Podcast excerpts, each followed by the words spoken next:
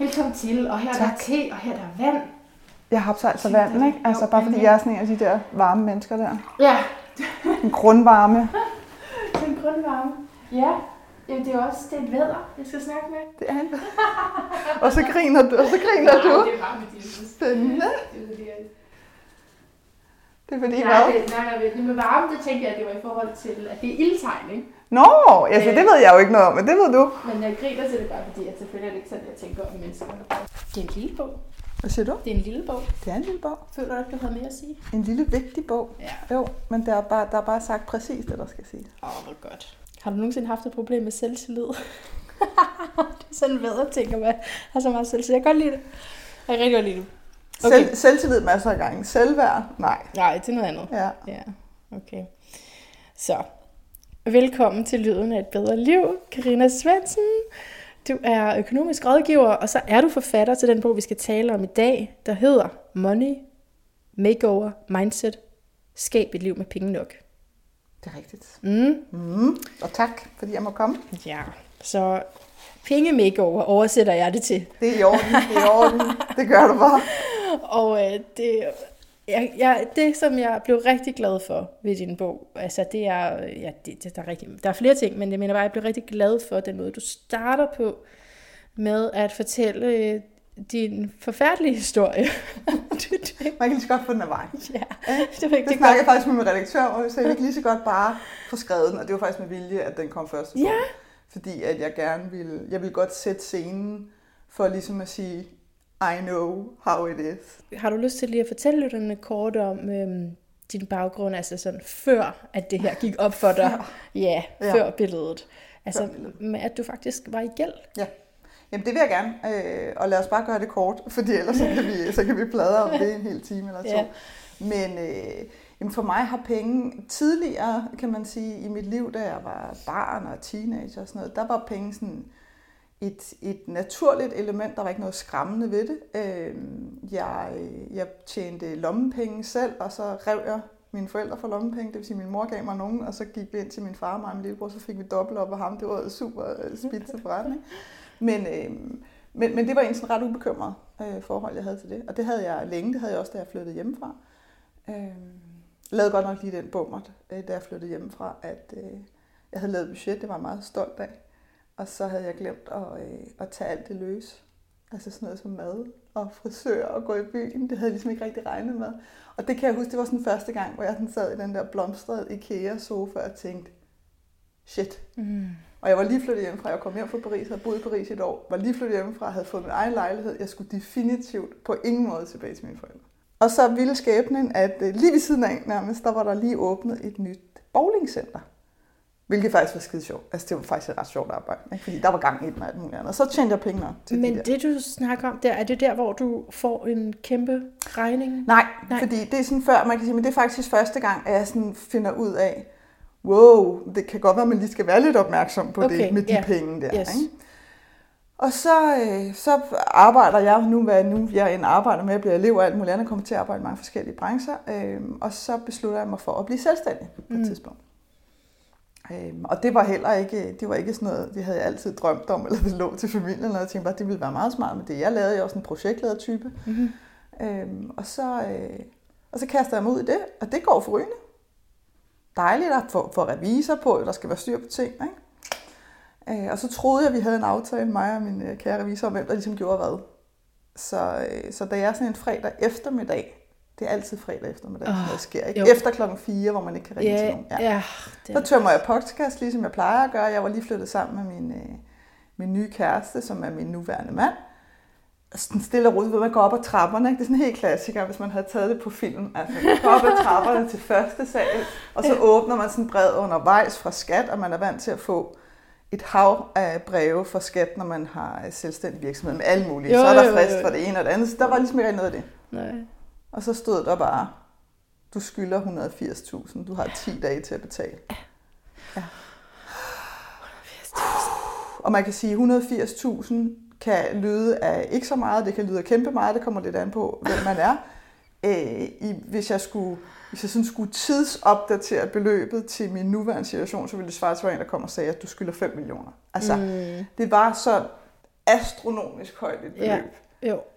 at jeg simpelthen ikke, jeg fattede ingenting. Nej. Og den der weekend, fordi som sagt, så var det selvfølgelig efter alle telefoner, hvor du ikke kunne ringe Ja. til nogen. Nej.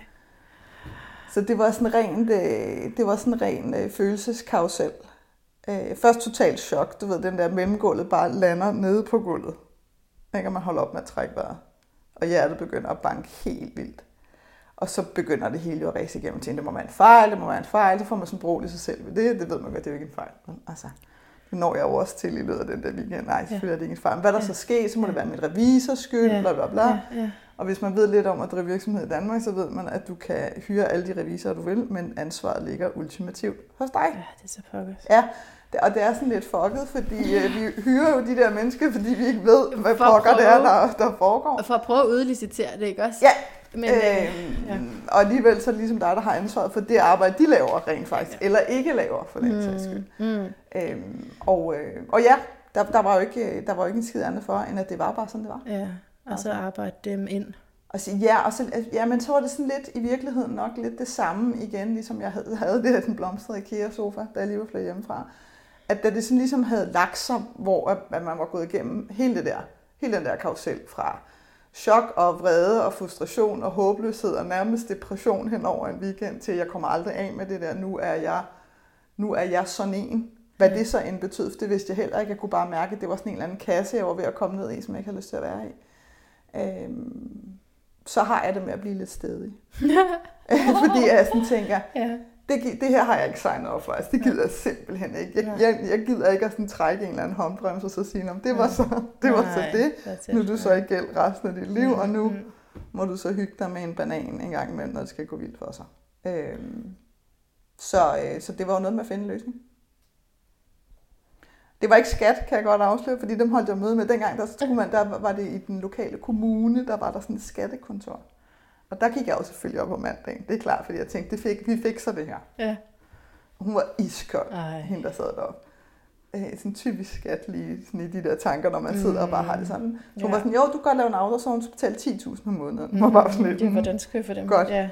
sige til mig, at jeg skal betale en million i minuttet. Ja, jeg har jo ja. ikke 10.000. Om Nej, det var den eneste det. mulighed, der var, sådan var det bare, det var bare ærgerligt. Ja. Og problemet med det var, at det var en enkeltmandsvirksomhed. Og det Ja. vil sige, det her dødssyge udtryk med, at man hæfter personligt, og det vil sige, Mm. det er i virkeligheden din personlige gæld. Mm. Damn. Så det var faktisk øh, ret usædvanligt, var det min bankrådgiver. Ja. Mm-hmm. Ja. Den var ikke gået i dag, det kan jeg lige så godt afsløre. Men min daværende bankrådgiver, som var en super cool øh, yngre fyr faktisk. Og jeg havde haft en bank længe, og havde også øh, købt ejerlejligheder, og han ligesom kunne se, at hun betaler altid. Og sådan noget. Så vi havde et rigtig godt forhold. Mm-hmm. Og han, øh, han ville gerne låne mig pengene. Mm. Sådan, så skat kunne få sine penge og tige stille, og så, øh, og så kunne jeg ligesom have et lån i banken. Og det var, øh, det var faktisk en lidt usædvanlig proces, fordi han øh, siger til mig, jeg var, sådan, jeg, havde, jeg var den der, i det der mode, det skal bare væk, den der gæld, og det, skal, det kan kun gå for langsomt, og alt det, jeg overhovedet kan betale af, skal betales af, og hurtigt, hurtigt, hurtigt, som selvfølgelig til del stadigvæk var, var skam samtidig også, mm. men nu skal det bare gå væk, væk, væk. Mm. Og det fik jeg simpelthen ikke lov til. Og det kan jeg huske, jeg var sådan lidt, var, sådan, hvad, hvad er du gang i? Altså, hvor han siger, du får ikke lov til at betale så meget af. Og så kan man sidde og tænke, Nå, det er fordi, han vil tjene på renter, eller, mm. eller andet. Det handlede overhovedet ikke om det, hvor han Ja. siger, det her det kommer til at tage lang tid. Ja. Du, skal du er kunne nødt til at leve. kunne leve imens. Ja. Du er simpelthen nødt til at kunne trække vejret imens. Det her Ja. er nødt til at blive en naturlig del af din økonomi. Ja. Og det var, altså det er sådan virkelig top 3 af et af de bedste råd, jeg nogensinde har fået. Ja. Øh, og også et, som jeg giver penge. videre til mine kunder Mm. konstant. Mm. Fordi vi kan godt, vi kan holde meget ud i et år. Mm. Altså der kan vi godt virkelig klemme Mm. ballerne sammen og gøre et eller andet helt Mm. crazy og bo i bobbeltelt på en eller anden onkels mark eller sådan noget. Hvis det er fordi, at så derefter, så skal vi på jordomrejse i fem Mm, år. Eller men det er noget. det kan vi godt. begrænset, hvor længe et man år. kan gøre det. Det, Ja. det er det. Ja. Ikke? Fordi Jo. selvom man sidder og tænker, ah, to-tre år, mm, jeg, jeg vil sige, prøv at gange op i minutter, så går det op for dig, hvor Ja. mega, mega, mega lang tid det er. Ikke? Fordi, okay, altså jeg føler, at den, den fortælling der åbner op for så mange temaer i forhold til, hvad penge gør ved os. Mm. Altså, fordi jeg tænker, man kunne få lyst til at begå selvmord. okay, men det er okay, det er også en, en tanke, som er måske mere nærliggende for mig end så mange andre, men hvis man virkelig skulle mangle dag ud og dag ind, Mm. så har man måske bare lyst til ikke at være her Mm. i stedet for. Mm. Ikke? Og Jo. det er vel derfor, at han kan sige, men du skal også kunne leve, fordi trods alt vil jeg du leve, end, altså, end at det... Jo, man kan sige, at jeg, nu tror jeg ikke, øh, jeg tror på det tidspunkt, hvor jeg taler med ham, det var nok mere om fredagen, jeg lignede sådan en, der tænkte, kan man rent faktisk tage livet af sig selv ved at springe mm. over Storebæltsbroen, eller kommer man bare sådan lidt til skade? Ja, fordi så der lå jeg ikke. Vel? Altså, Mhm. mm-hmm. øh, fordi der, altså, der var jeg igennem alt det der, men, men da jeg ligesom mødtes med ham, man kan sige, det som, det som han øh, jo godt var klar over også, det var, at hvis det blev for surt, Mm. altså Ja, det det. øh, hvis det simpelthen bliver for surt at, være, at, at få betalt de der ting af, så er der også en risiko for, at du stopper. Ja. Ikke? Og, og så kan man sige, at han havde fattet det, desværre er det ikke tilfældet for rigtig mange banker i dag, men han havde ligesom fattet, det er federe at lave en aftale, som er rimelig øh, for alle parter. Mm-hmm. Banken får deres renter, så der er ikke nogen, der er ked af det der. Øhm, og, og, og Karina kan, kan trække vejret og, gå, og tage på sommerferie og gå i biografen og alle de her sådan helt normale hverdagsting. Cirka det var femstjernet luksusresort, det er ikke det, handler om, men mere sådan at Det er faktisk også være. virkelig dyrt at gå i biografen, men Det er mega dyrt. Ja. Men det her med at kunne være, uden at man sådan hele tiden følte, at man var konstant begrænset. fuldstændig. Så, øh, så ja, Mm. der var også Okay. fornuft i, kan man sige. Lad os gå lidt videre ind i din historie eller dit budskab. Fordi nu rådgiver du så andre. Ja. Og ved nogle ting fra bitter erfaring. Og så også fordi du har udviklet en filosofi om, mm, hvordan bliver man rig? Faktisk ikke. Eller hvordan er der penge nok? hvordan kan får man liv med penge Ja. nok? Så noget, du går meget op i, det er øh, frihed plus ansvar er lige med rigdom. rigdom. Den du skriver i starten, og det er noget, der går igen ja. som sådan en formel. Frihed plus ansvar er lige med rigdom. Øhm, og, og det skal vi, med der, den formel, der skal vi så igennem, at acceptere og elske og nyde. Og så, så for eksempel på side 43 skriver du, øh, når du accepterer din frihed i din økonomi, føler du, føler du dig ikke længere afhængig af andre for at skabe det liv, du gerne vil have. Jamen, det var, det, det, jeg synes, føler, det er noget af det stærkeste, det, det, det du skriver her. Mm. At, så er man ikke længere afhængig af andre for at skabe det liv, du gerne vil have. Mm. Øhm, Det her med at acceptere, elske og nyde, for Ja. mig, det er i virkeligheden sådan tre bevidsthedsfaser. mm, Hvor at umiddelbart, når man siger, accepter din frihed, og ja, done deal, hak ved den, altså mm. hvor svært er det? Yes, Mm. yes, det accepterer. Ja, men det, det er jo betingelsesløst det her. Så det nytter ikke noget, at det er, jeg accepterer min frihed, når jeg har fundet øh, det der job, jeg rigtig gerne vil have, eller når min chef har givet mig lønforholdelse, eller når kommunen har fundet ud af, om jeg må få de der ekstra ydelser, eller bla bla bla, fordi så er du afhængig af andre. Så har du ligesom lagt din, din magt over til andre med, at når de andre har gjort det her, ja, så kan jeg acceptere, at jeg har min frihed. Hvor man ligesom kan sige, så kommer vi jo ikke rigtig nogen vejen, fordi så vil der altid være nogle andre. Der vil altid være nogen, der er blandet ind på en eller anden måde. ja, ja. Øhm, så, så for mig, der, der handler det om ligegyldigt, hvor røvet, undskyld, jeg bander, situation, det, man, man kan sidde i, så må man ligesom sige, ligesom da jeg sad med det her brev i hånden, så må man ligesom sige, okay, hvad kan jeg gøre her nu? For ligesom at komme videre med min situation. Så accepter din frihed til at... Altså, der er vel et tilladt efter. Jamen, du kan sige, jamen, en- egentlig ikke lige til at- der. Nej, okay. Altså lige, fordi lige der, du kan sige, et eller andet sted, så leder vi mennesker jo ultimativt altid efter frihed. Mm-hmm. Sådan, det er jo sådan den ypperste, ypperste, højeste, højeste. At være frie. Mm. Øh, og så kan vi oversætte det til, om det er uafhængige, eller Mm. hvad pokker det nu end må være. Men netop det her med at kan gøre, hvad der, hvad, hvad der sådan kalder i os Mm. øh, Ja. til at gøre. Ja. Øhm, så, så lige her, når jeg taler om den her i bogen, så er det egentlig bare i sådan sin rå form. Det her med at forstå, at hvis jeg vil gøre noget andet, end det jeg gør i dag, så kan jeg det. Så det kan kan godt være, at jeg synes, ja. det er noget knald, og det kan godt være, at der er andre mennesker, der bliver påvirket osv., osv. men jeg kan gøre det. Okay, så det er frihedsdelen. Og Ja. så er der plus ansvar. Ja. Og så er det, Fuck os. og så er det, du kigger med sådan hævede øjne. Og det elsker jeg, fordi det sker også, når jeg holder workshops og foredrag det der. Så har vi sådan talt om frihed af, og, og energien er høj, og så kommer den der slide med ansvar. Ja. Bum, bum. Ja. Fordi så, så associerer de fleste sådan, sådan lidt med løftet pegefinger, Mm. øh, meget sure politifolk, dumme forældre, alt muligt, og vi skal stoppe med alt det, der er sjovt, og, og nu skal vi bare være meget voksne og ansvarlige, og det er meget kedeligt, agtigt. Ikke? Kommer der sådan en indre teenager op i os, som bare sådan, Ja, det gider jeg ikke. så der kan jeg altid mærke, at energien den daler. Uh, og det er også okay. Fordi der, hvor jeg har det sådan lidt, det er, jeg synes, det er så mega misforstået. Det prædikat, altså den label, vi har fået sat på ansvar. Fordi for mig, der handler ansvar om drive. Altså ansvaret er det, der gør, at vi rent faktisk handler på det, vi gerne vil. I stedet for, at vi bare sidder der i vores, i vores frihedsfase og tænker, Ja. Nå, jeg kunne godt tænke mig, det, det, det, Jeg og det kunne også være fedt med hjerter hjerter. Det er Saturn, det er Men gør hvis ikke vi noget. gør noget, Ja. så kommer vi ikke Mm, nogen vej. Og så mhm. bliver vi sådan lidt det der Mhm. utilpassede mennesker på en eller anden måde, ikke? Som, øh, som, jeg, som jeg synes er røv Så hvis vi skal derhen, hvor at vi skaber et liv, hvor vi ikke er afhængige af andre, for at få det, vi gerne vil have, så, har, så har vi an- anerkendt, jeg har, jeg er faktisk fri til at bruge min økonomi, som jeg vil. Og hvordan ser ansvar så ud? Jamen, så ser ansvaret jo, når nu du netop ligesom har forstået, okay, de penge, jeg får, ligegyldigt om det så kun er en krone, Ja. det er mine. Mhm.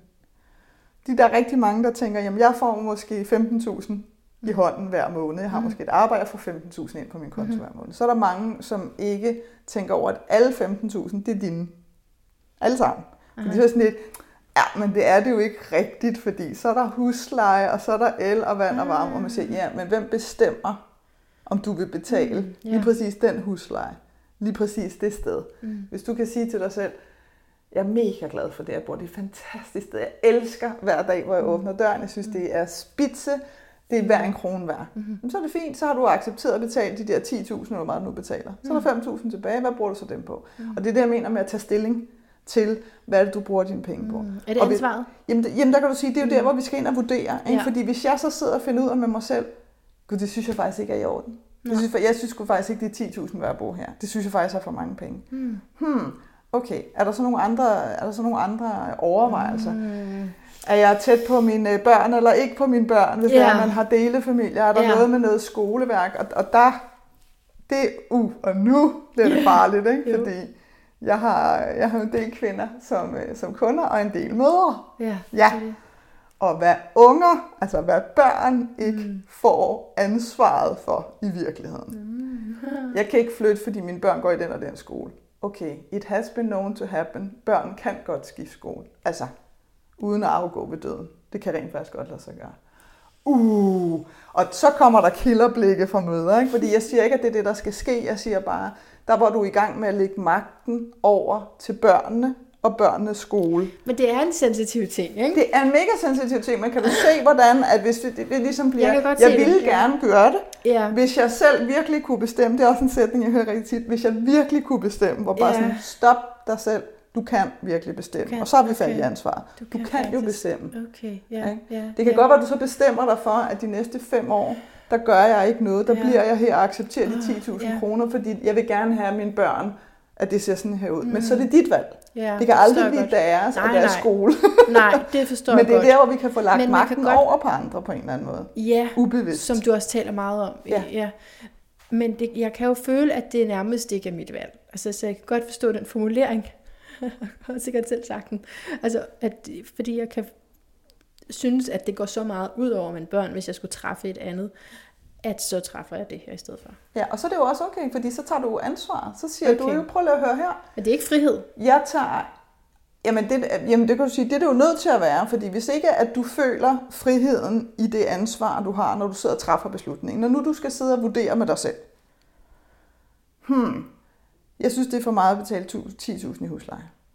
Øh, okay, hvad har jeg af muligheder? Hvad er det for nogle muligheder, jeg kan se? Så er det, vi bevæger os ind i bevidsthedsfasen at elske. Det er her, hvor vi åbner op for det kreative og siger, okay, jeg har måske de tre første sådan indlysende valg, så kan jeg bo på sofaen hos min mormor, det er måske ikke så holdbart. Ja. Du ved, så har jeg, øh, det er noget med en veninde, hun flytter et halvt år øh, til Ja. Spanien. Okay, så har jeg måske et halvt år der, hvad har jeg så tænkt mig Mhm. derefter? Mm. Du ved, så har man måske en tredje. Det er dem, vi har tænkt over 476.000 gange før. Og hvorfor siger du at elske? At det hedder under at elske? Jamen, det er fordi, vi skal have fat i vores kreativitet. Right. Ja, vi skal have, vi skal have tappet ind i mulighederne. Ja. Yes. Så ikke begrænsningerne. Og man kan sige, vi har alle sammen sådan to-tre indlysende valg altid i et eller andet. Og det er dem, vi skal ud over. Mm. Ikke? Fordi dem har vi tænkt over. Mm. Masser af gange. Mm. Der er en eller anden grund til, at vi ikke har ageret for dem. Så vi skal ud og finde de 10 andre, vi ikke har overvejet endnu. Mm. Og det kræver altså, at vi tapper ind i vores kreativitet, og vi sætter gang i de der små grå, sådan virkelig big time. Ja, ja, altså jeg kan virkelig godt lide det, du siger med at tage magten hjem, og altså se, at du faktisk er fri, ikke? til at træffe det her valg. Jeg, jeg, jeg kan rigtig, jeg kan, det giver god mening, fordi jeg har jo helt klart i mange år røget ned i den der med, at jeg er nødt til at gøre det her for børnene. Ja. Men i det ligger der jo også, at jeg gør det for mig selv, fordi jeg vil have, at de skal være glade, så det er mit valg, så det er min frihed. Altså bare lige at anerkende, Ja. at jeg er fri til det, fordi jeg Ja. kunne også have taget et valg, der gik ud over dem, og det vil jeg ikke være glad for. Så Nej. det er min frihed stadigvæk. Det er Ja, frihed. Det er friheden. Ja, ja. Når du ligesom har sat dig ned, og du er kommet op med dine 20 varianter. Altså jeg, jeg vil gerne have, at man kommer op med så meget som overhovedet muligt. Og lad være med at tro, du skal komme op med det på en eftermiddag. Du ved, vurder det hen over et par dage, gå ture, alt muligt. Se, hvad der popper op. For lige pludselig, så hvis du, hvis du åbner dig, og ligesom siger, okay, lige nu skal jeg ikke løse den her de næste fem minutter. Fordi det kan jeg ikke. Så er vi ude i den der, det der virkelig fede citat, som Einstein han siger, ikke? med at du kan ikke løse en udfordring med, det samme, med den samme bevidsthed, der har skabt den. Mm-hmm. Og det kan vi ikke. Det bliver Nej. grimt, og jeg har prøvet det masser af gange selv. Det bliver grimt med grimt på, og så kun endnu værre. Det er sådan noget, man har lyst til at sætte ild til bagefter. Ikke? Ja. Fordi det bliver paniske øh, løsninger, mm-hmm. som aldrig er særlig holdbare. Mm. Øhm, så, så når vi ligesom har været derude, hvor vi, hvor vi virkelig har fået kontakt med alle mulige, også nogle af de crazy, altså også der, hvor man tænker, jeg kan vide, om der er en gammel dame, der bor i en selskabslejlighed inde i byen, som har brug for en til at gøre rent, hvor jeg bare kunne bo i et af de der 48 værelser. Altså sådan noget, hvor vi har været helt derude. Mm. Jamen så er det, vi kan sætte os ned og netop kigge på, som du selv siger, okay, hmm, jeg vil gerne have, at mine børn går i den her skole af alle mulige årsager. Og Ja. ikke for at gøre dem igen ansvarlige. Nej, ikke for nej, nej. at sige, nej, det vil være for hårdt for dem at flytte, fordi så skal du i hvert fald hen omkring den beslutning, kan man sige, og sige, hvorfor? Ja. Hvorfor er det det? Øh, Er det bare dig, der synes, at det vil være synd? Fordi så er du igen klar til at lægge ansvaret væk. Men når du bevidst har truffet og sagt, nej, jeg vælger, at, at det skal være, jeg skal i hvert fald bo i området, sådan så de kan blive i deres skole, så har du jo netop brugt din frihed til at sige, nu har jeg kigget, nu har jeg, taget, øh, nu har jeg haft friheden til at kigge på alle mine muligheder, nu har jeg taget ansvar, nu har jeg truffet et valg. Så nytter det ikke noget, at det er sådan et sådan en lille bitterpille. Vel? Så nytter det ikke noget, at det er sådan en, øh, en let sur citron alligevel, hvor man sådan lader som om, ja ja, jeg er enormt afklaret, haha, jeg har via min frihed truffet mit valg. Nej, så er det der, hvor du står helt knivskarpt stærkt i det og siger, at det er stadigvæk Det er meget interessant, altså, ja. synes jeg, fordi det, kan man godt synes, at man er nødt til, ikke? at det er lidt, altså, det er jo et valg om, at man vil være bitter, men man kan godt synes, at jeg er nødt til at gøre det her, og så som et resultat der blive en lille smule, altså man offrer jo noget af sig selv. Ja, ja, og det kan man jo synes. Mm. Ikke? Fordi så, og så ligger bitterheden lige rundt om hjørnet, ja. Når man synes, det er sådan, Jo. nu offrer jeg mig for, Ja. nu, for denne her sag. Ikke? Mm. Altså, det er jo virkelig martyren, når den sådan basker ja. Helt over på Ja, skyggesiden og bare står og brøler. Ikke? Sådan Jo. lidelsen i, at Jo, jo, det nu gør jeg det fisk. her. Ikke? Jo, jo. I stedet for, at man ligesom siger, nej, det her er et valg. Fordi man kan sige, Ja, en det ting er, at vi kan godt føle os Ja. tvunget til noget. Mm. Det er en reel følelse. Mm. Det vil være løgn at sige, at det ikke sker. Det sker også for mig. Men når jeg har den følelse, så er jeg også nødt til at stoppe mig selv og sige, hey, hey, hey. Altså, sidder du i fængsel, hvor der er andre, der vidderligt mm. bestemmer over dit liv. Altså, der kan man Mm. tale om, at der kan du ikke bare sådan dimle rundt, som du har lyst til. Man siger, nej, det gør jeg ikke. Okay, det kan godt være, at jeg følelsesmæssigt føler det. Men igen, så må jeg jo have fat i min frihed og så sige, nej, det gør jeg ikke godt. Så hvorfor er det, du føler dig tvunget til det her? Ja. Er det fordi, at du netop ikke har haft fat i din kreativitet for at se, hvilke muligheder der er? At du simpelthen er stoppet op ved mulighed 1, mm. måske bare, som hedder, jeg kan ikke gøre andet end at fortsætte. Mm. Fordi der er aldrig kun én mulighed. Og nogle af dem kan være super svære, for det kunne godt være, at du valgte at flytte Ja, dine børn ud af den skole. ja. Fordi at det sådan, hvad skal man sige, for the highest good of all, altså mm. for hele familien i en enhed, Mm. var, det bedst, var den bedste løsning. Mm. Og så kan det godt være, at det momentært øh, og midlertidigt er super mega øv for dine børn, at de skal skifte skole. They will survive. Mm. Øh, hvis du ligesom kan se den der større mening med det, Mm. og det ikke bare igen er sådan en eller anden panikhandling, man foretager sig. Ikke? Mm. Og så er det også okay, det, og derfor så har jeg det også sådan lidt, det er ikke, jeg ved, der er nogen, der sådan har lyst til at sende sådan et budskab af, at nah, men det, næste, det næste rigtige valg for dig er altid nemt at tage, det vil føles let og sådan noget. Ikke en skid.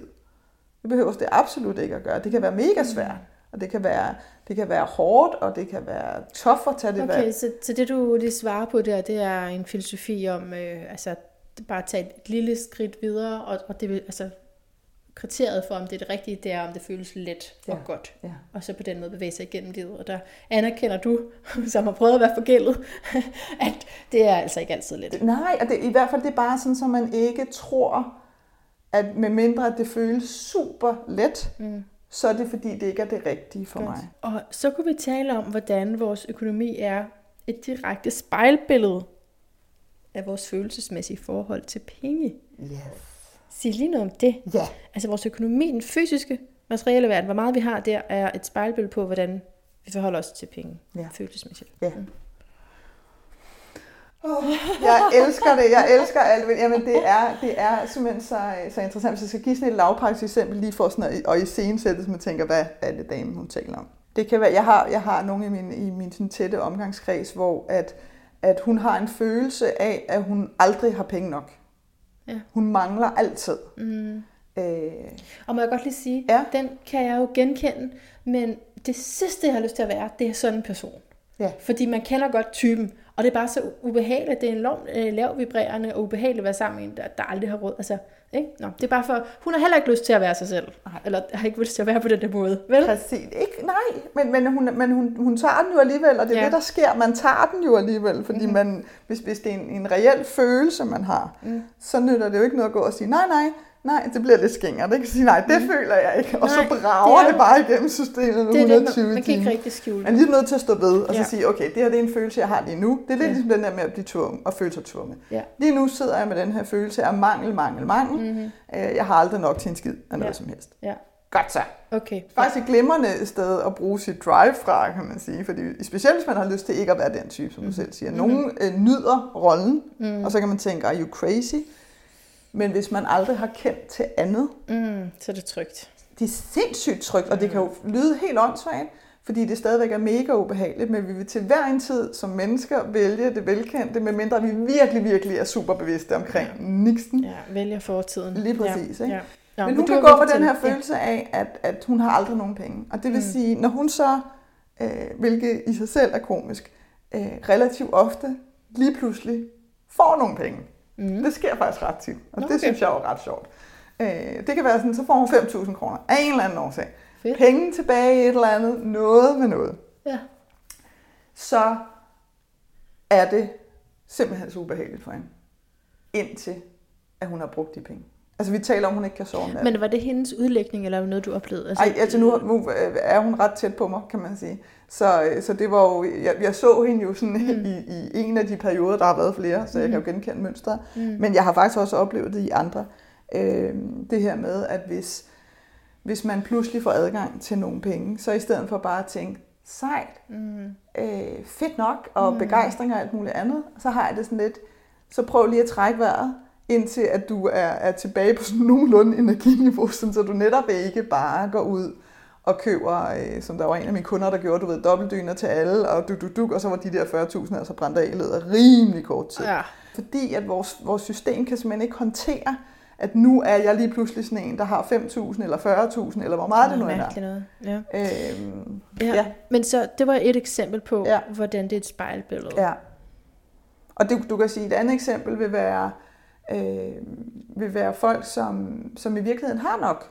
Altså, der er, ikke, der er ikke nogen udfordring i at betale faste udgifter og mad og alt sådan noget, det glider.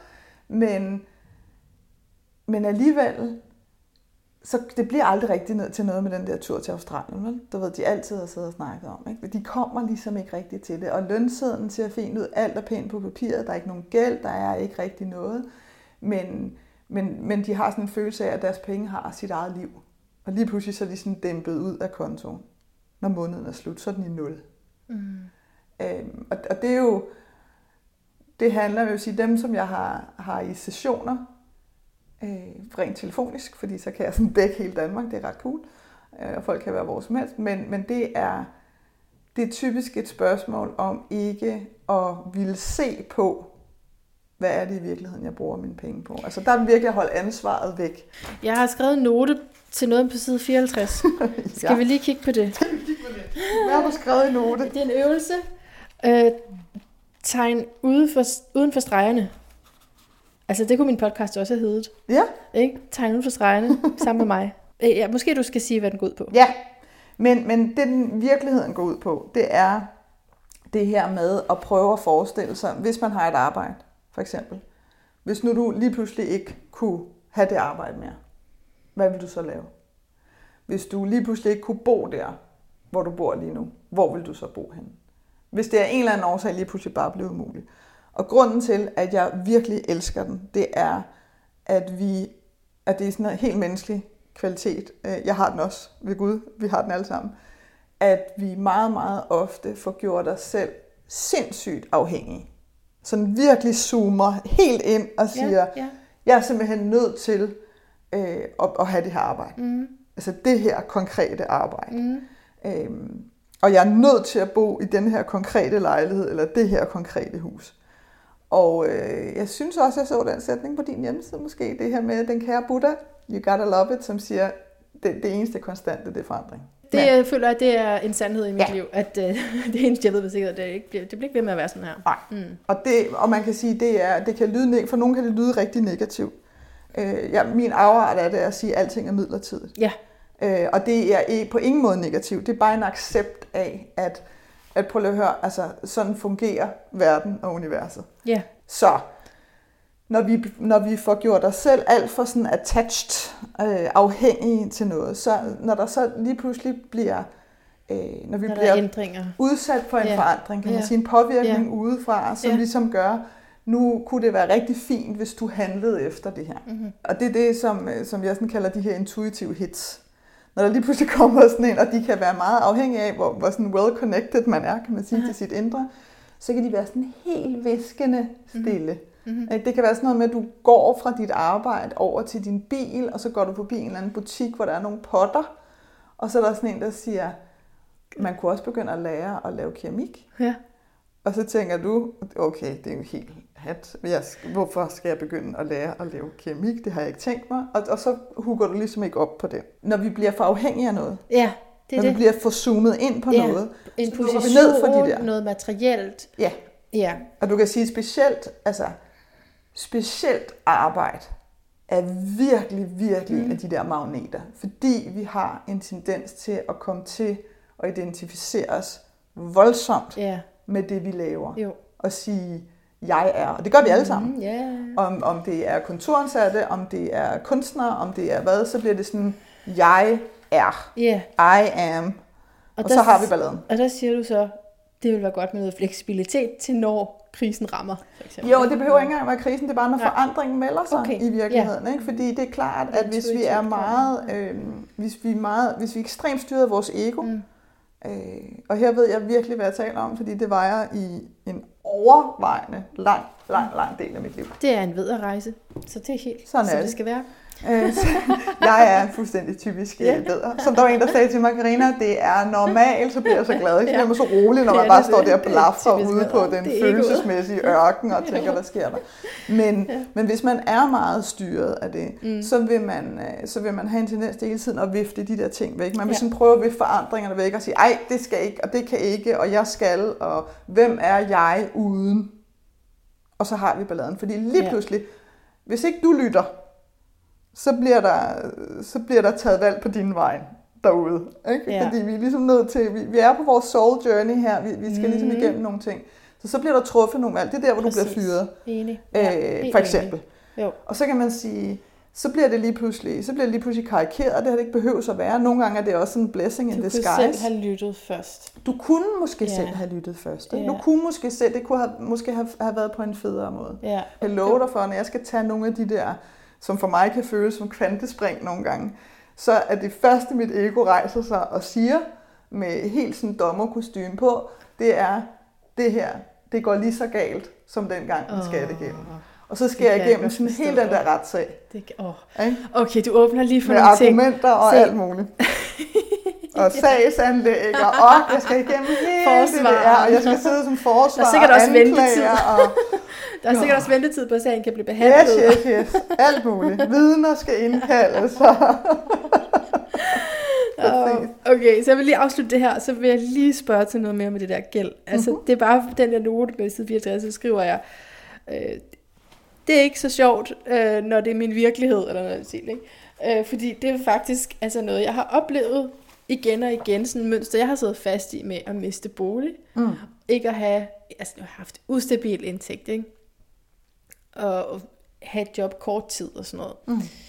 Øh, så så da jeg læste den øvelse, så tænker jeg bare, hvorfor skal, hvorfor skal vi øve os i det her? This is my life, ikke? Det er faktisk en meget forfærdelig øvelse. Du er faktisk ekspert i det, du tænker. Ja, men ja. Jeg, jeg forstår godt det, du siger, og jeg synes, det er, det er så fedt, det der, du siger med de intuitive hits. Mm.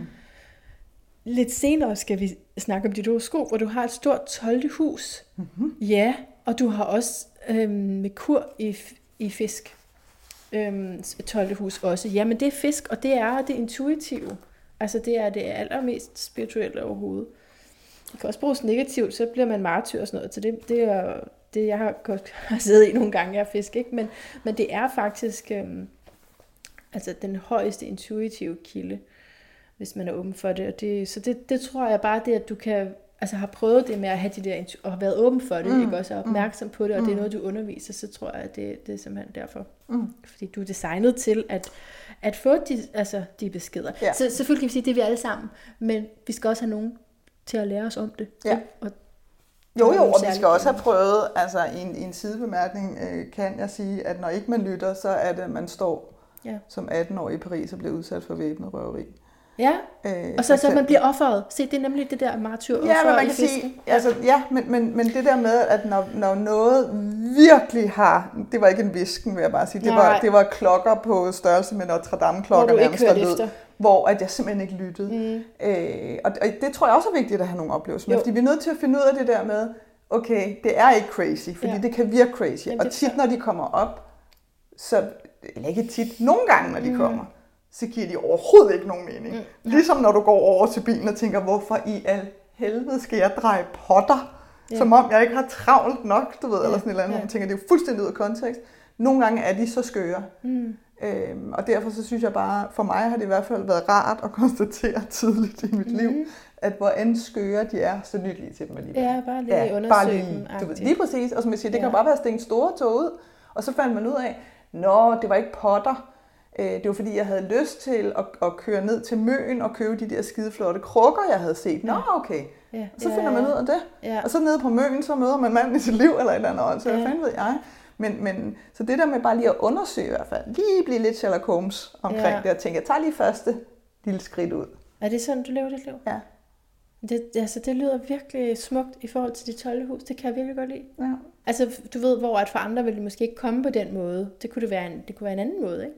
Altså for dig, er det sådan et billede, eller? Det... Nej, det, det, er ret, det er ret spøjs, fordi det er ikke det er ikke billeder, det er ikke ord, men det er som om, at det er, det er, sådan, øh, det er beskeder, der bare er der. Ja, ja. Øh, så der er ikke lyd på, og der, det er ikke skrift, og det er ikke nødvendigvis billeder. Jeg er ellers sådan relativt visuel, kan man sige. Men, men, men når de lander, så er de sådan meget klare. Sådan helt beskeder bare. Fuf. Ja. Ja. Okay, ja. sidespor. Ja. Et vigtigt sidespor. Men jo, det var lige det her med gæld. Og følelsen af det. Kan vi tale lidt om det? For den kan jeg godt, øh, den kan jeg godt meditere på. Uhensigtsmæssigt, ikke? Altså jeg kan godt komme til... Den, den er virkelig lavt vibrerende. Det er sådan... Jamen, jeg, for mig, der minder det meget om død. Det der med at være stærkt forgældet. Mm. Altså fordi der er en uværdighed i det. Havde du så nogle følelser, og, og, og hvad er dine erfaringer med gæld som følelse? Ja, skide godt spørgsmål. Ja, og ja, jeg øh, havde erfaring med alle de følelser, man overhovedet kan have i, i de første måneder, efter at jeg fik øh, konstateret den der fantastiske skattegæld der. Øh, for jeg var igennem dem alle sammen. Og jeg kunne også se, da jeg sådan helt komisk, virkelig, endte op med at arbejde i en kassobranchen i 10 år bagefter. Ja, ja det gjorde du til at læse. Det der, kan man sige, der, der, der, der oplevede jeg jo andre mennesker gennemgå nøjagtigt de samme sådan, følelsespiraler. Ja. Øhm, så det fra den anden side. Fuldstændig. Øh, og, og uværdighed og skam er en rigtig, rigtig, rigtig stor øh, sådan hovedrolle, ja. øh, der tit bliver koblet op til gæld. Det, der går galt for os i virkeligheden, det er, at at vi får, vi får personificeret vores gæld. Vi får simpelthen sat det at have gæld lige med, om jeg er et godt eller dårligt menneske. Yeah. Ja. Øh, og hvis der er noget, penge ikke er, så er det personligt. Er det rigtigt? Ja. Det er ikke personligt? Nej. Det er det virkelig, virkelig ikke. Men fordi du har lige sagt, det er mit ansvar, Det er min frihed. Ja, men penge, om du har dem eller ej, fortæller intet om dig som person. Okay. Jeg har mødt de største idioter med rigtig mange penge. Ja. Og jeg har mødt de skønneste mennesker med 0 kroner og dybt forgældet. Så det er bare for at sige, den er man simpelthen nødt til at få skilt væk fra sig selv som person. Men siger det ikke som minimum, om man er i stand til at manifestere det liv, man ønsker sig? Og der er noget, man ikke har set på, at man lever forholdsvis uerkendt. Altså med nogle uerkendte mønstre i sig, hvis man ikke har så mange penge. Så det, du ved, man kan Det kan, godt... sa- det kan sagtens være. Lad, lad os prøve at komme ind. Okay, Vend ja. lige tilbage til den om to Jo, split godt, sekunder, fordi godt. så kommer jeg væk fra den. Men. Ja. men det, der bare er så vigtigt at forstå her, det er, at vi må ikke få sat lighedstegn mellem gæld og hvor gode vi er som Mm. mennesker. Hvor gode eller dårlige. Overhovedet det at relatere de to ting til hinanden. Okay. Det, det, det skal kun gå galt. Ikke? Fordi så kan du godt se, så har du igen, så har du bare fået lagt magten over til dine penge. Så det vil sige, nu sidder du har rigtig mange. Nu har du et shitload af penge. Det vil sige, ej, jeg er jo et fantastisk menneske, og så kan vi gå ind i den, som du siger, jeg er jo i stand til at manifestere alt muligt. Det behøver virkelig, virkelig ikke at være tilfældet, skulle jeg at sige. Og dig som menneske har ikke en skid at gøre med, om, om du er rigtig eller forkert eller god eller dårlig med gæld. Overhovedet. Mm-hmm. Altså virkelig, virkelig ikke. Okay. Så det er vigtigt at sige, jeg har gæld. De, den kan jo være opstået af alle mulige årsager. Mm-hmm. Og lad os bare tage en af de der, hvor folk sidder og tænker, ja, men det, der er i hvert fald ikke nogen, der har gjort ligesom mig, fordi jeg har øh, en gæld på 800.000 i hurtiglån. Mm. Øh, kviklån, sms-lån, kald det, hvad fanden du vil. Øh, fordi at jeg har flyttet 20 gange øh, inden for de sidste tre år, og det koster penge hver gang. Og så var der også lige den der gang med den der Mexico-rejse, hvor jeg bare tænkte, jeg har også fortjent at have det godt, og bla bla bla. Og nu, nu skylder jeg 800.000-agtigt. Og, Mm. og det er simpelthen så dumt, og jeg er dum, og, jeg, og det er Mm. også bare uansvarligt, og bla bla bla bla bla. Og så kører den der trumme Mm. mm. virkelig. Det er der, hvor man føler sig uværdig. Det er der, hvor man skammer sig. Det er der, hvor man tænker, hold kæft med, jeg kommer, det er bare, åh, Mm. mm. jeg er som person bare virkelig ingenting værd. Mm. Yeah. Og, og intet er jo længere fra virkeligheden, fordi for det første, så har, jeg, så har jeg virkelig den her tro på, at når vi træffer nogle valg, så gør vi det, så gør vi det ud fra, hvad der virkede som en god strategi, dengang vi træffede. Det er jo det. Ja. også? Ja. Og så kan man sige, så er det, at mange har en tendens til at fortabe sig i fortiden og tænke, og derfor, så er jeg jo virkelig dum. Fordi hvis jeg nu bare havde set bla bla bla bla, hvor man siger, det, altså, det er ret åndssvagt at stå og blæse energi af ind i fortiden, fordi den eksisterer ikke. Nej. Så det svarer sådan lidt til, at du bare står med sådan en kæmpe vandslange og bare står og brager ud i havet Mhm. og tænker, åh ja, mere til det. Ikke? det. Den eksisterer ikke, den, den fortid længere. Øh, så, så vi er nødt til at acceptere, så er vi Ja, over i at acceptere. ja, vi er nødt til at acceptere og sige, prøv lige at høre her, Ja. det her, det var nogle valg, jeg traf. Mm-hmm. Slut, prut, færdigt. Det giver ikke rigtig nogen mening at sidde og diskutere dem så skide meget længere. De, nu er de der. Ja. Det er sådan her, det ser ud. Ja. Jeg tager ansvar Mm-hmm. for de valg, jeg traf. Mm-hmm. Det nytter ikke noget, fordi det kan vi også have lyst til. Så kan vi have lyst til at sige, jamen det var også fordi min ekskæreste, og Mm, så var der nej. min moster, der sagde, Nej. Nej. slut, prut, færdigt, du tog de valg, og det Bare var dig, der tog dem. Ja. Og det her handler ikke, det er skide vigtigt, det er faktisk også en af de der virkelig nøgleord, det her handler ikke om skyld. Nej. Skyld og ansvar er ikke det samme. Nej. Skyld er i virkeligheden kun interessant at tale om, hvis vi vidderligt står i en retssag, fordi der skal man ligesom beslutte skyldspørgsmålet. Ja. Hvem skal betale noget til hvem? Men det er det eneste det er et tidspunkt, hvor interessant ord i forhold til penge, fordi jeg jo kan skylde penge. ikke? Ja, lige præcis. Ikke? Og, og det er jo også interessant det her med at skylde penge, fordi skyld er jo et negativt lavet ord for langt, langt de fleste mennesker. Og det vil sige, lad os nu sige, at du har taget et lån i banken. Eller et kviklån. Det er sådan set ligegyldigt. Nu har du lavet en aftale om, at du skal betale 2.000 kroner af om måneden. Og det gør du trofast hver måned. Så, så bliver det jo lidt skørt at tale om, at jeg skylder penge. Ikke? Fordi vi synes, det er negativt skyld. Det er sådan noget, det er, når vi har gjort Ja. noget forkert. Det er, Ja. når vi har gjort noget galt. I stedet for at sige, nej, jeg har nu indgået en aftale Okay. med en virksomhed, jo. som har lånt mig 50.000. Jeg har lavet en modsat aftale om, at jeg betaler 2.000 tilbage hver måned. Den betaler jeg af hver måned. Ja, det Alt er godt. Det er perspektivet, det Der, ja, jeg der er, ikke noget, der er ikke noget galt i det her. Der er ikke nogen skyld på den måde. godt. Det forstår jeg godt. Okay, så, men, men stadigvæk, jeg, Ja. jeg, jeg skal lidt længere ned i den der følelse Ja. der, fordi så lige til øh, information til dig, så det her, det er øh, del 2 om penge. Det er, også, det er også den sidste. Jeg tror, det må være rigeligt efter det. Men øh, i sidste eller første del af den her lille miniserie, der talte jeg med øh, Pernille Valgren og Jane Bækgaard, som har skrevet en bog om at investere i livet. Mm. Og hvor vi talte om, hvor meget, øh, altså, ja, det her med at gå imod den materielle kultur. Mm. Så, så jeg vil bare gerne spørge dig i forhold til den lave følelse, vi kan få. Der, der er to ting i den. Der er den her sådan, øh, altså det er også nitte, og jeg har gæld, og det er uværdigt og alt muligt andet. Den vil, den, når jeg har set den, er den meget, når, når den er stærk, så er den meget, meget ofte forbundet med, at vi netop ikke har taget det ansvar. Vi har ikke kontaktet dem, vi skylder penge til, og forklaret, hvordan situationen ser ud. Der ligger faktisk en enorm stor frihed i at gøre det. Ja. For os. Og så ligger der den der andet, det andet, den anden øh, variant eller facet af den, som du også beskriver, det her med, at jeg kan bare ikke, ja, der er en masse ting, jeg gerne vil. Ja. Og det kan jeg bare ikke. Ja. Nitte. Og så kan man sige, yes, så brug det som dit drive. Ja, hvad vil du så gøre? Hvad vil du gøre? Ja, ja. Okay, på en skala fra 1 til 10, fordi nogle gange, det skal vi også lige mærke efter, ikke? Er det bare sådan noget, vi stiller op for os selv, som sådan, så kan du se, så kan jeg heller ikke det. Nej, mm. okay, på en skala fra 1 til 10, hvor meget har du lyst til det? Sådan helt ærligt. Mm. Og hvis du ligger og ringer op omkring 8-9 stykker, så synes jeg virkelig, at du skal prøve at finde ud af, hvad der skal til, før du kan gøre det. Men ja. rigtig mange ting, når vi sådan spørger ind til det, så er det sådan en to-tre stykker, vi synes bare, det er skide irriterende, at vi ikke lige kunne det. Mm. Men det var måske en, en, ingen gang noget, vi sådan virkelig gerne ville. Det var bare lige der i øjeblikket, at det var lidt irriterende. Og så kommer vi den ned i den samme krukke med alle de andre to-træer, og så synes vi nu, der er en masse ting, vi ikke mm. kan.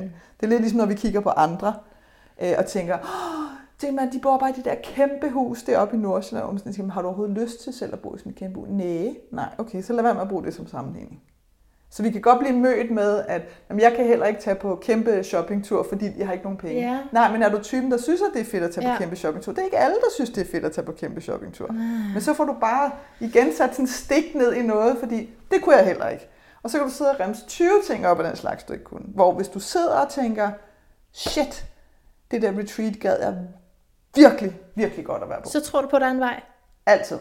Alright. Fordi så... så begynder vi igen, hvis vi så netop forbinder os med at elske.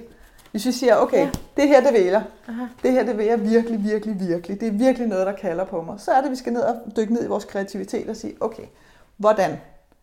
Hvordan kan jeg skaffe penge til det her? Jeg synes, du er virkelig interessant, fordi at du både har været stærkt forgældet, siger man sådan? Det må man gerne sige. Det, er, det var virkelig det, jeg var, så jeg synes, det ville være forkert at det, sige noget andet. Det har du været, og så har du været, jeg arbejdede, så er du i 10 år. I, I 10 år, i en kassebranchen. Som er der, hvor man går ud og det er det ultimative værste, ikke? Ja. Jo. Altså, det, er jo, det, er jo, det, det, er jo, det er jo tit det, hvor hvis man står som gæld, så er det jo sådan, hvad er det værste, der kan ske, det er at komme til en kasse. Men i en kasse kunne jeg forestille mig, at de ikke tænkte spe- specielt magisk, nødvendigvis. Absolut ikke. Altså på ingen måde. Nej, det Nej. er sådan, der står det her nummer, og det nummer, vi skal, skal vi inddrage, ellers ja. så bliver det et højere nummer. Ja. Øhm, men den her bog er selve titlen, og måske også lidt forsiden. Altså man kunne godt få en tanke omkring, at der er noget magi indover. Money maker mindset. Jamen altså, jeg vil sige det sådan, at hvis man har været øh, følelsesmæssigt tyndet af gæld, så kan det vidderligt også føles magisk at få adgang til den der indre ro. Ja. Hvor at man forstår netop det her med, og så er vi tilbage til det her med, at gæld definerer mig ikke som person. Altså, jeg nægter simpelthen at lade det blive en del af definitionen af, hvem jeg er. At det er min gæld.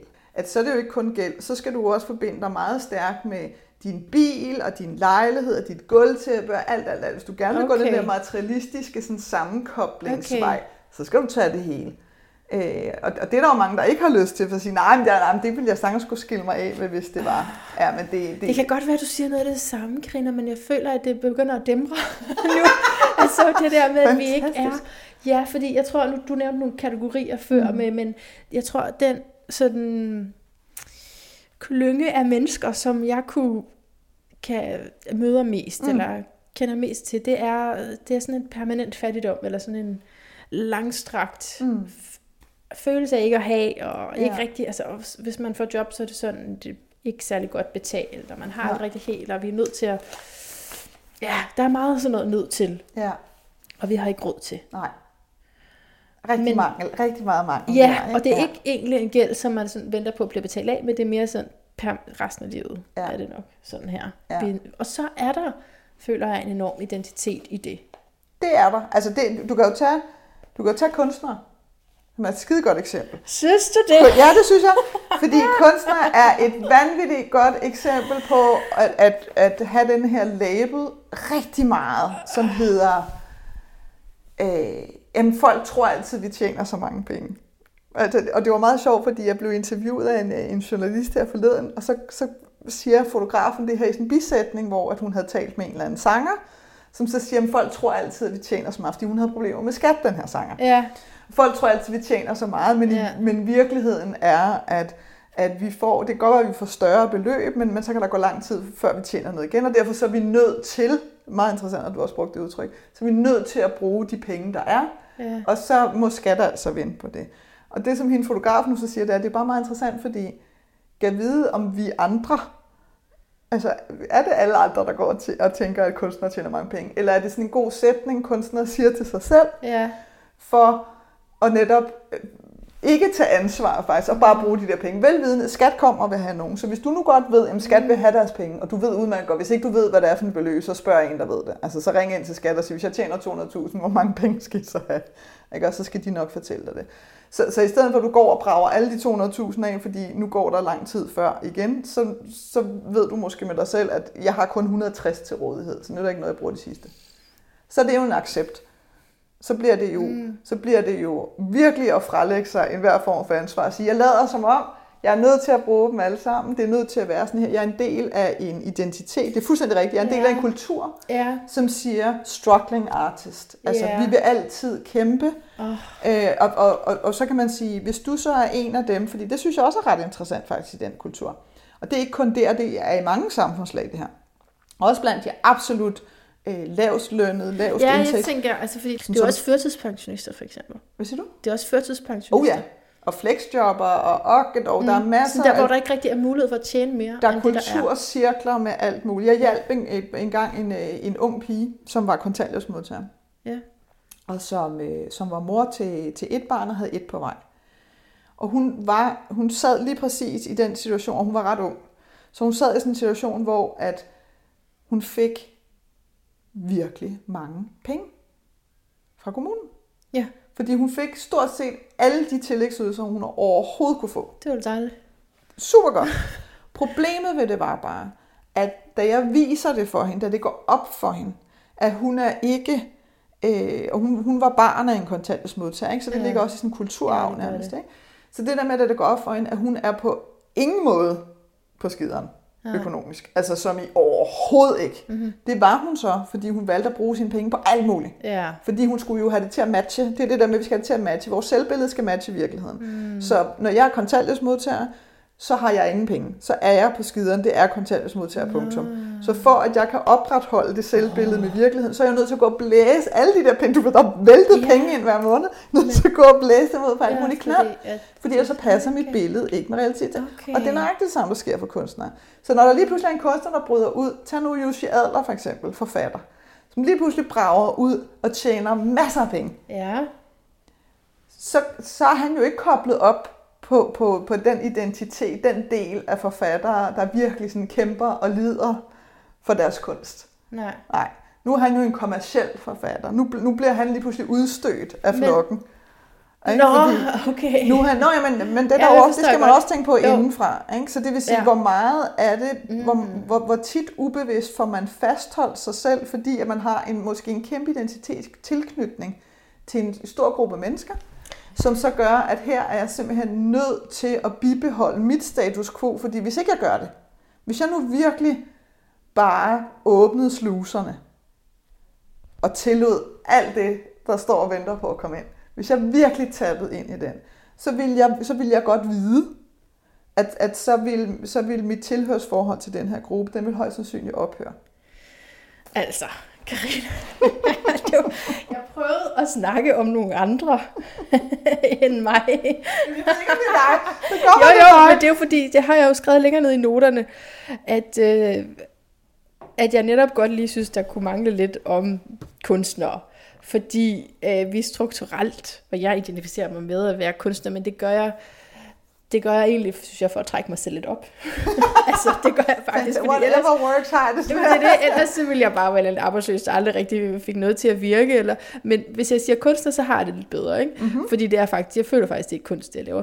Men strukturelt, altså, og, og så er det, vi kan nævne alle mulige andre også, men, men også for kunstnere er det sværere, fordi det er lettere for dig, hvis du kan nogle IT-kompetencer, hvis du har været i bankverdenen længe, eller så er det bare lettere at tjene til dagen af vejen, end hvis det er en, der siger, uh, skal jeg læse dit horoskop, ikke? hvor at, øh, 95 procent i hvert fald af danskerne siger, ej, det, det tror jeg slet ikke på, går lige udenom. Ikke? Altså, men, det, men, det er jo, men, men spørgsmålet er bare, om det ikke, fordi er det ikke bare en virkelig, virkelig god historie? Jamen, det er så det, du udfører Er det ikke på. bare en virkelig, virkelig god historie? Fordi det der med, det er jo sådan, det er. Altså, det der med sådan, mm. per definition, så er det nemmere at, end at. Det er nemmere, så jeg kunne, også, jeg kunne jo mm. sidde og sige, i min situation, så kunne jeg sidde og sige, ja, det havde da været federe, hvis jeg var maler, så kunne jeg tjene shitload af sort penge altid. Eller hvis jeg var tømmer, så kunne jeg gøre det samme. Det er helt vildt hårdt ved, arbejde. Og det, det er muligt, ikke, det men den, med den historie kunne jeg jo sagtens sidde og fortælle mig selv. Nu, nu bliver der fortalt en historie om, at 95 procent af alle danskere siger nej tak. Hmm. Så kan man sige, okay, et. Altså nu har øh, altså, tal ikke været... Altså, er det, nøj, men, det er men, det er jamen, den er jo interessant. Jamen, ja. det, den er jo interessant, fordi det er jo følelsen af det, der bærer ja. den igennem. Det er jo mm. den, der mm. bibeholder den hos dig. Ikke? Så, ja. så hvis man ligesom kigger på det og siger, okay, er det sandt? Altså, kan vi sådan for sure vide, at det er sandt, eller er det en følelse, man har? Og, og det, det er faktisk virkelig sjældent, at man kan sige for sure, at noget er sandt. Så det er en følelse, man har. Så kan man sige, okay, lad os nu bare sige, lad os nu bare lege med tanken, vi har spurgt alle danskere, og det er faktisk rigtigt. 95 procent ja. af dem, de vil ikke have ja, lagt det. Så kan okay, du bare se. Godt. Så kan man bare se. Ja, men, og, og du kan virkelig godt lide at lægge horoskoper. Ja. Altså det synes du virkelig er, det er det, det fedeste mit liv på. Yes. Sammen med interview. Ja. Ikke? Men kunne man så forestille sig, at man kunne få kunder uden for Danmark? Nej, der er simpelthen så meget konkurrence. Åh oh, nej, det var og den er, jo, fordi den er fed, så kan man netop sige, nej, der, altså, det og, der er alt for meget nej, konkurrence. Så vil jeg bare sige, hvis, hvis frisører i Hvidovre havde tænkt det samme, så ville der ikke ligge 14.000 frisører i Hvidovre. Det er måske en lille overdrivelse, men der ligger absurd mange frisører i Hvidovre. Og de ligger ja. der alle sammen og har gjort det i årvis. Ja. Så der er jo rigtig meget konkurrence i Hvidovre. Okay, kan vi prøve, så jeg har en anden indvending også. Kom med Jeg føler, at det er for, hvis, altså, at jeg faktisk skal give afkald på mig selv, for mm. at kunne tjene ordentlige penge. Ja. Til det enten, altså at tjene penge, og så gøre noget, jeg sådan faktisk godt kan, fordi jeg har også nogle accepterede uddannelser. altså nogen, som folket har besluttet, at det må vi godt få kompetencegivende ja, jeg har, jeg har kompetencer ja. på papiret. Nej, jeg har kompetencer, så, så det kan jeg godt, men så er der, og det er det, jeg mener, at kunstnere især kan genkende, at så er der en stor del, som man er nødt til at lukke ned for, eller gøre i fritiden, og det kan man jo også godt, men så bliver man ikke lige så god. Altså, Nej, men det er jo... Altså igen det et der, udsagn, men ja. du kan ikke bruge lige så meget af din tid på det. Nej, og det er jo det er jo så smukt, fordi, og når jeg siger smukt, så det, det kan jeg blive allerede glad. Ja, men det er det, fordi man kan sige, nu har jeg, øh, nu stødte jeg for, hvad, lidt under et år siden stødte jeg på Caroline Mays, øh, som taler om arketyper. Aha. Mm-hmm. Og blev vildt nysgerrig på det. Så vil jeg fandme have mit eget galleri. Jeg vil vide, jeg vil kende mit eget galleri af arketyper. Jeg snakker om, at vi har de fire primære, og så har vi otte øh, af vores egne personlige. Øh, og en af de primære, som vi alle sammen har i os, øh, er martyren. Ja. Ja. Og det der er, altså, og martyren på skyggesiden, kan man sige. Der er jo en, en solside og en skyggeside af vores arketyper. Ja, skyggesiden er jo virkelig lidelseshistorien. Ja. Hvis ikke jeg kan det her.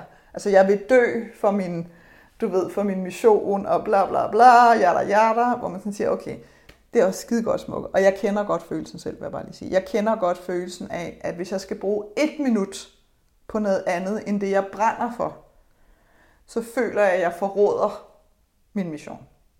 Det er simpelthen en følelse okay. af, at ja. jeg går ikke med mit kald, og jeg bliver et lille menneske, og jeg vil blive ulykkelig, og, og det kan ikke hænge sammen. Og det er jo, det er jo en altså hvis du tænker over det, så er det fra egoets side jo en virkelig sofistikeret måde at fastholde dig ja. i aldrig nogensinde at komme videre. Ja, nej, men og jeg tager den der totalt fiske, både offer og martyr på mig, så det, det, det, det kan gå med. Og jeg kommer til at tænke på, øh, den, var det den retssag der, du snakkede om? den virtuelle retssag. ja, var det det? det? Og nu, nu mistede jeg lige, hvad det var, du lige sagde. Som... Men for at gå tilbage ja, til den her, så kan det være, at den kommer noget. op hos dig igen. Sig Man noget. kan sige, det her med, at vi føler, at det er fordi, vi får sat det op i en enten eller. Så får vi sagt, okay, hvis jeg skal tjene penge, øh, så er jeg nødt til at ofre mig. Det kan være følelsen. Så er jeg nødt til at forlade øh, min mission, my soul, destined journey her, øh, og bare blive en robot, og så er livet skulle slut herfra. Så så er jeg nødt til at gå ud og få det der 37 timers job. Jeg kan huske, hvad det minder mig om. Det, det. det minder mig om, at du har prøvet det en gang, ikke? at blive forgældet, og frygter for at blive det igen. Mm. Det er det samme med mig. Jeg frygter for at gentage nogle af de ting, som jeg var i, ja. da jeg ikke ja. Ja. elskede min og, og det, vi, det vi jo skal forstå, både dig og mig, ja, hvad er det, vi skal? og som jeg har begyndt at forstå mere med, man bliver sgu så klog. Det er ligesom, ja, ja. når man har rundet 45, så er der noget, der er super. jeg glæder mig. ja, fantastisk. Nej, men, men, men det vi jo skal forstå, det er jo, at at, at det jo igen er fortidsstemmer, der sådan bliver blæst op i proportioner, yeah. fordi det ligger ude i fortiden. I virkeligheden, så burde vi jo bare være, øh, og nu, den, nu er jeg glad for, at vi sidder i en podcast, fordi ellers havde folk slået mig nu med hårdt i ansigtet. I virkeligheden burde vi jo være glade for oplevelsen, fordi så har vi en kontrast. Nej, det er rigtigt. Vi har ja. kontrasten, så i stedet for at sige, thank you, tak for kontrasten, det ved jeg, jeg ikke har lyst til yeah, igen. Yeah. Så det vil sige, da jeg nu skulle stå og, og, og skabe virksomhed igen, yeah. kunne, man skulle tro, jeg var åndssvag. Jeg tænkte, jeg prøver skulle lige en gang til. igen, jamen så vidste jeg jo, at okay, nu er jeg blevet klogere. Mm. Så jeg ved, der er altså nogle ting, jeg skal have styr på. Der er simpelthen nogle ting, og, og havde valgt en ny revisor også. Æ, øh, der er simpelthen nogle ting, jeg skal spørge ind til, fordi jeg ved, at ansvaret ligger hos mig. Mm. Og for at jeg nu kan være sikker på, at jeg aldrig kommer til at skylde penge til skat igen, jamen hvordan sikrer jeg så, at jeg får lagt de rigtige beløb til side og sådan noget. Mm. Og det er jo en kom, det er jo et kompetencespørgsmål. Det er jo yeah. at spørge yeah. og sige, hej revisor, jeg forstår ikke en skid. Mm. Prøv lige at forklare mig, hvad jeg skal lægge til side, hvornår og hvordan og alt muligt andet. Og når jeg så havde den forklaring, så var det ligesom om, ah, det betød ikke, at første gang jeg fik en regning fra skat, øh, som var helt normal, Øh, at jeg ikke var ved at dø, indtil jeg havde fundet ud af, at jeg havde hensat beløbet rigtigt, og det ja, hele stod der, og det, det skulle jeg prøve mange gange, før at det sådan blev lidt mindre. Før det blev normalt. Og lidt, ja, lidt mindre og lidt mindre, og jeg vil da sige, jeg kan da stadigvæk mærke den, så i virkeligheden, så er, det, så er det jo bare at acceptere og sige, at det er menneskeligt. Ja. Jeg ved godt, hvad der, er, der foregår. Det er mit ego, der går helt amok. Ikke? Og så kan vi tale om sådan en retssag igen. Det er mit ego, som bare er begyndt at køre sagsmapperne mm. frem igen. Mm. Og sige, der kan du se her, Manna, hvis det er, du går ud og tager det der fuldtidsjob, kan du huske sidste gang? No. Der, du kan lige så godt ligge der ned og dø. Hvor du så kan sige sig selv, okay, ja, det kan jeg godt huske. Så det ved jeg, at lige den vej øh, skal jeg ikke tage igen, på den måde i hvert fald. Okay, hvilke andre muligheder har jeg? Og så må vi jo tabe ind igen i vores kreativitet. Og det kan jo for eksempel, nu skal jeg ikke sidde og løse den her, men, men det kan jo være, Øh, har du et CVR-nummer? Ja. Ja, du har et CVR-nummer, okay. Øh, det, det betyder altså, at det er muligt at få jobs rundt omkring, og det kan være, at det bare er noget, hvor man i virkeligheden skal... Altså for mig kan jeg sige, at jeg tænkte sådan på et tidspunkt, så tænkte jeg, åh, jeg sidder rigtig meget ned foran en computer. Det kunne sgu være meget fedt at lave noget, som slet ikke har noget at gøre med det, jeg sidder og laver, men hvor jeg var lidt mere aktiv. Og så begyndte jeg at tage ned i den, det når jeg sidder og småfilosoferer mm, og kigger på min, øh, min lille lyskæde på mit kontor, så, så bliver jeg taget mange steder hen. Så sad jeg sådan og tænkte, hmm, tænk nu, hvis vi havde fire forskellige jobs. Alle sammen. Mm. Tænk, hvis vi havde noget, vi lavede i 10 timer om ugen. Og hvor det ene, det var, det var sådan en benhård researcher, forsker, laboratorie. Jeg skal finde en kur øh, for kræft eller et eller andet. Og så var der en, hvor du var ude og var øh, gartner fordi du bare rigtig godt også kunne lide planter. Og så var der en, hvor du passede unger, fordi du synes, at børn er det skønneste i verden. Og så var der et fjerde job, hvor du lavede noget helt andet. Det kan være, at du arbejder som tjener på en café, fordi du også bare godt kunne lide at servicere mennesker. Hvis dit liv bestod af det, som ville betyde, at du ville få tilfredsstillet rigtig mange forskellige øh, lyster, du havde. Mm-hmm. Kan vide, hvordan det så ville føles mod, at du føler, at du er tvunget til at stå i dit laboratorie i 40 timer om ugen?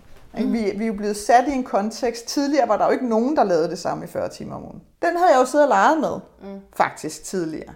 så kunne jeg mærke, og den blev interessant, så blev jeg virkelig provokeret. Jeg har øh, tidligere i mit liv, heldigvis vil jeg sige, været relativt ligeglad med, hvad andre mennesker synes. Mm-hmm. Det har ligesom ikke været en del af, af noget, jeg sådan skulle tage mig af, synes jeg, hvad andre mennesker synes. Og der er masser af mennesker, der synes, at mange af de ting, jeg har foretaget mig tidligere, var totalt crazy, og mm. kunne ikke forstå, hvorfor sætter du det der job op i en kassobranche. Selv min mand, han var sådan lidt, Jamen, kan du ikke bare lave det der andet ved siden af? Det er jo skide godt betalt, det der mm. job, og jeg sad som leder og kunne selv bestemme og alt muligt andet. Og jeg bare kunne sige til ham, det kan godt være smukke, men it's done. I'm over. Altså, det, det er færdigt. Den del er ligesom done. Ja. Så den sidder jeg sådan og leger med. Så kan jeg mærke inde i mig selv, at nu begynder jeg, og så bliver jeg provokeret, nu begynder jeg at sidde og tænke, hvis jeg nu tager det her job, som så var, hold nu lige fast, et rengøringsjob. Der kom det. om morgenen. Ja. Ikke? I et fitnesscenter. Ja. Fordi så var jeg aktiv. Det var om morgenen, det var tidligere om morgenen, så det influerede ikke på resten af, hvad jeg ellers normalt brugte en dag på i min forretning. Det passede skide godt ind i. Ikke? Det var genialt. Det, der var smart med det, det var, at, øh, at fordi jeg havde CVR-nummer, så kunne jeg lave en aftale med dem om, at jeg sendte en faktur. Ja. Så det vil sige, at jeg skulle altså ikke ud og til at, at, at blive lønansat hos dem, Nej. og til at bruge A-kort og B-kort og alt det, der knald. Det er så den fordel, man har, hvis man har et CVR-nummer. Der ja. findes masser af de jobs. Jamen, jeg kan godt lide at få anerkendelse bare ved at få et CVR-nummer. Det er jo gratis. det er gratis. Griner, vi, vi, altså, vi er, jeg, jeg, jeg kan ikke forstå det, men altså tiden er løbet afsted, mens jeg har siddet med dig. Ja. det, det er bare, jeg kan slet ikke forstå det. Og jeg skal også sige noget om dit horoskop, jo. Ja, lidt. men jeg har lige lyst til at sige en ting til kom, dig. Kom. Jeg har lyst til at sige netop det her til dig, at lad være med at få lavet det til en enten eller. Lad være med at få dykket ned i og få tænkt, øh, enten så skal jeg lave horoskoper, så er det eneste, jeg skal Nej. lave ud over min podcast, fordi det elsker eller også så skal jeg blive, hvad nu en af dine uddannelser gør, at du Nej. kan blive. Prøv, og det er virkelig også en opfordring til alle dem, der lytter, prøv at ligesom øh, mærke ind i dig selv og sige, hvis jeg skulle lave noget ved siden af, og se det som ja. en både og, hvis jeg skulle lave noget ved siden af, ja. hvad, vil, hvad vil jeg så synes rent faktisk ville være skide sjovt ja. at lave ved siden af, hvor det vil være okay, og hvor vi ikke taler om 40 timer om ugen nødvendigvis overhovedet eller noget som helst, men hvor jeg måske kunne lave en kombination, hvor at jeg måske kunne tjene to tredjedel af de penge, jeg har brug for sammenlagt. Ja. Og så var jeg ikke så afhængig af, om jeg lige tjente det hele hele tiden i min egen forretning, og, og, og igen, som vi sad, som vi indledte med, alt er midlertidigt. Yeah. Så vi skal også passe på, at vi, altså, vi er så gode til, at når noget er negativt for os, for eksempel at vi mangler penge, mm. så er vi så gode til sådan at sige, godt, så bliver det så øh, kassedag i Netto, og det er der ikke en skid galt med, skulle jeg helst sige. De kan virkelig være underholdende, hvis der man, man forstår, hvad fanden at det job egentlig mm. kan give til andre. Øhm, og så har vi en tendens til at sige resten af vores liv. Hvor hvis noget går godt, så, så tænker vi sjældent resten af vores liv. I stedet ja. for bare at sige, det her, det gør jeg i en periode. En periode, ja. ja. Indtil jeg gør noget andet. Ja, altså det er, det er interessant, fordi at man kunne forestille sig med sådan en overskrift der, at det også er, altså, at der er noget magisk tænkning i det, men egentlig er du ret lavpraktisk. Ja. Altså, men selvfølgelig inkorporere, at du skal ligesom elske det og se muligheder og nyde. Ikke? Jo. Øh, men det er stadigvæk, altså mangler der penge, så skal du få et job for at få penge, og det er ikke et eller andet særligt ritual, måske, der kunne magisk mm. skabe det. Men, Nej, altså det er jo der, hvor jeg synes, det går galt, når vi snakker om manifestation. Rigtig ja. tit. Hvor det, hvor det udtryk, og det, og det er faktisk lidt synd for ordet manifestation, fordi det er et mega lækkert ord, ikke? Men, mm. men det bliver tit misforstået til, at, at det bliver noget med, at jeg sidder her passivt, og så skal jeg sådan virkelig connecte. Du ved, man har set The Secret way back when, mm. ikke? hvor det, det var virkelig gone wrong, øh, kan man sige, fordi for det første blev det meget materielt, Øh, og så blev det meget sådan, du skal virkelig visualisere den der røde sportsvogn og bla bla bla. Og, og, og det kan der være mange, der, der tænker, nu skal jeg sidde her, og så skal jeg visualisere en hel masse. Hvor man kan sige, det er der heller ikke en skid galt med overhovedet. Men hvis ikke at du handler, mm. når din intuition taler, yeah. og siger, gider du lige ringe til Peter? Yeah.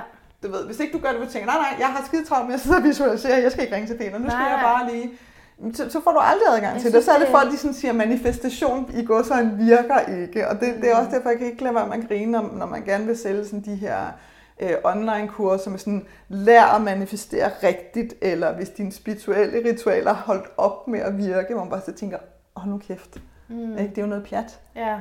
Men hvis vi bliver fanget, hvis vi også i den bliver fanget i en enten eller, Hvis vi sådan ligesom Ja, ja, føler, nej, jeg må ikke det." handle, jeg må ikke handle. Jo, for helvede, du skal handle, ellers kommer du ikke nogen vej. Jeg synes, det er, Så vi det- skal have koblet tingene sammen. Jeg synes, det er fedt, at sådan en, en kassomedarbejder, som så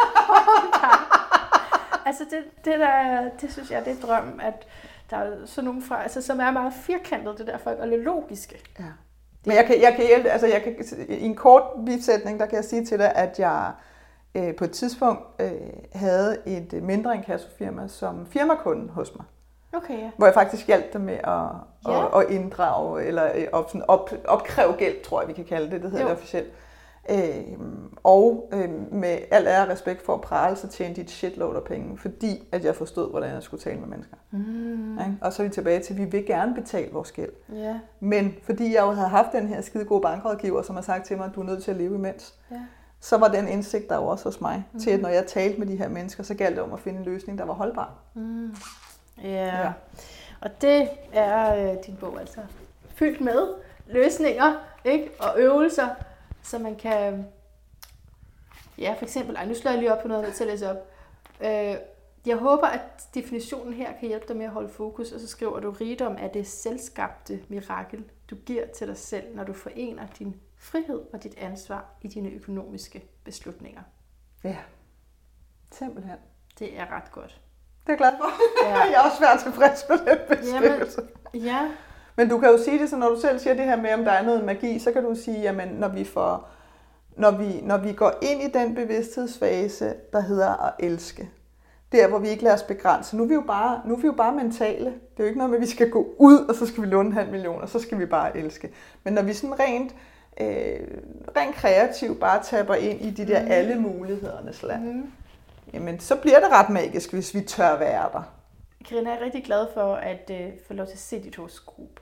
Og vi kan ikke nå, at jeg siger så meget om det, men, men det giver utrolig god mening for mig, fordi din øh, karmiske linje, som er det, vi, altså, der betyder rigtig meget i evolutionær astrologi, som jeg arbejder med, den er i huset for altså penge og andres penge. Så, så det er de to akser, som øh, en stor del af dit liv også altså, vil handle om. Det her ikke fordi det er det eneste handler om, altså det er andet hus og 8. hus. Øh, så, og, og så er det i tvillingens tegn, som gør, at du er rigtig god til at kommunikere, og får mig til at tænke, står der, står der 20 minutter? Der mærke, nej, det var en time og 20 minutter. Okay. det var, som, øh, ja, altså, øh, tvillingen kunne man kalde ordmagikeren. Men altså, at, at der har været noget omkring det her med at have, og så at være afhængig af andre for at få det, man har brug for. Altså balancen i det, og en masse lektier i det, som er det, du, din bog og det, du har fortalt i dag, beskriver så godt. Så det er jo, det er jo bare så godt. Men, men det, jeg havde tænkt, jeg måske lige ville sige, var kort noget om, at Neptun lige nu er i 20 grader fisk. Og det har den, hvis jeg ikke tager meget fejl, været siden 2. maj. Og der har du din Merkur. Øhm, så hvad betyder alt det her? Men Merkur, det er, det er din måde at tænke på. Man kunne læse, sige meget mere om det, men din måde at tænke på, så, så hvis vi skulle kigge på et sted i forhold til at få nogle åbenbaringer, eller sådan, ikke? Hmm. Så, så Merkur er et meget godt sted at se, er den påvirket af noget lige nu? Og Neptun, altså herskeren i fisken, vi står begge to i fisken, øhm, er lige på, så, så ja, det giver mening, at det er her, din bog er ude, øhm, men det er også en, en længere proces, fordi den er der igen 15. Altså den er der lige nu, men så bevæger det sig og, og så videre. Ikke? Så, øh, men lige præcis de der 20 grader er den igen 15. august, og det er den også øh, 1. marts 2021. Når Neptun rammer noget, så er det også med at give slip. Det har du også med i din bog, mm. ikke? At der er noget, der skal slippes. Jeg har altså en meget intuitiv følelse af, at jeg bliver fortaleren. Har været det længe, men er nødt til at blive det meget mere vokalt for, at vi simpelthen skal gøre op med hele den måde, øh, vi sådan tænker os selv på i forhold til os det, vi laver, og den måde, vi tjener vores penge på. Øh, og det her 40 timer om ugen, og det her med, hvad, hvad er gode og dårlige jobs. Mm. Rengøringsjob er jo sådan et, altså de her stakkels øh, fitnessmedarbejdere, de sad sådan og kiggede på mig og sagde, vi vil helt vildt gerne have, at du starter, men vil du gerne? Hvorfor vil du lave det her? Hvor jeg sådan måtte forklare dem, fordi sådan og sådan, det her det giver mening for mig. Det ville være super fedt at starte min dag med at være aktiv. Mm. Og så kan man sige, kunne du ikke bare løbe en tur? Jo, men her der kan jeg faktisk servicere nogen også. Mm. Så kan man tænke, what? Servicere med at rense lokummer, ja, hvis du ser det sammen. Mm, men pludselig man jo så også får penge og men, kan lave nogle jo, andre men jeg, ting. jeg står og kigger på, altså jeg vil sige, det kan godt lyde åndssvagt, men jeg står og kigger på et rent rum bagefter og tænker, ej, hvor fedt, hvis jeg var medlem, så ville jeg elske at komme ind her. Ej, men du er så heldig, du har jo måned i øh, jomfruen. Det er jo, så det er helt instinktivt. Der er der noget med at rydde op, og der er tilfredsstillende for dig. Det er altså ret heldigt, synes jeg. Så Men som så du sagde det der med, Nå, jamen, kan man se undskyld. hele den, det der med, Ja. ja. og, og, med nye tankegange og sådan noget. Helt Ja. bestemt, fordi hver gang, at jeg bevæger mig, og det gør jeg jo Åbninger. konstant, det gør vi alle Mm. sammen, så, får jeg, så, så er der jo nye øh, spejlbilleder, der viser sig for mig. Nye ting, hvor jeg skal tage stilling til, vil du lade dig holde tilbage, eller vil du lade dig bryde igennem? Men altså, jeg har lyst til at gå på udforskning i din tidslinje. Det kan vi gøre, når mikrofonen er slukket måske, men fordi den har virkelig aktiveret noget. Fordi som jeg lige sagde, så er det jo, har du jomfru måne, og du har også dit øh, tvilling i karmisk, øh, det karmiske punkt i tvilling, øh, som alt sammen er i bevægeligt tegn. Så det vil sige, at den rammer lige ind i noget, en større fortælling omkring dig, og hvorfor du er her. Ja, man kan godt sige, at det er i huset for de intuitive beskeder, at Ja. det sker, ikke? Så. Altså hele, jeg vil sige, jeg vil sige, skriveprocessen var meget intuitiv. ja. Øh, fordi i virkeligheden, da, da jeg sidder og skriver, skriver, skriver, skriver, skriver, og jeg valgte at have, jeg har jo valgt at udgive selv, fordi jeg ville have total styring med, hvordan det blev. Jeg var godt klar over, at hvis den her endte på et forlag, så ville der være en overvejende sandsynlighed for, at den ville mere pejle i retning af sådan noget, sådan bliver du rig på fem minutter. -agtigt. Det var det Ja. sidste, jeg havde lyst til. Okay. Så derfor Ja. så valgte jeg at udgive selv. Mm-hmm. Men jeg valgte også at koble mig op på, på professionel redaktørhjælp, for jeg har ikke skrevet en bog før, mm. og jeg Mhm. ville have, at den skulle stå knivskarpt. Ja. Ikke? Øhm, og vi sidder frem og tilbage. Det, det, det, det, det gør man. Så sender man nogle kapitler afsted, så redigerer Mhm. hun, så får man dem tilbage. Og lige pludselig så kunne jeg bare mærke, at denne her er på vej i en helt skør retning. Det at blive sådan en kaktus, Nå. som stikker i alle mulige retninger. Aha. Øh, og vi havde fastsat en udgivelsesdato til den 4. maj 2020. Øh, og jeg sidder lige her før jul. Ja, men det, jeg kan godt forstå, at du spærer øjnene op nu, for det var insane, det der foregik der. Og det er sådan et virkelig godt eksempel på, hvis man går med sin intuition. Fordi jeg sidder og, og skal i virkeligheden bruge dagene mellem jul og nytår. Dem her er fuldstændig cleanet for alt andet. Dem skal jeg simpelthen bruge på at redigere alt det, hun nu har sendt mig i løbet af december. Min redaktør. Mhm.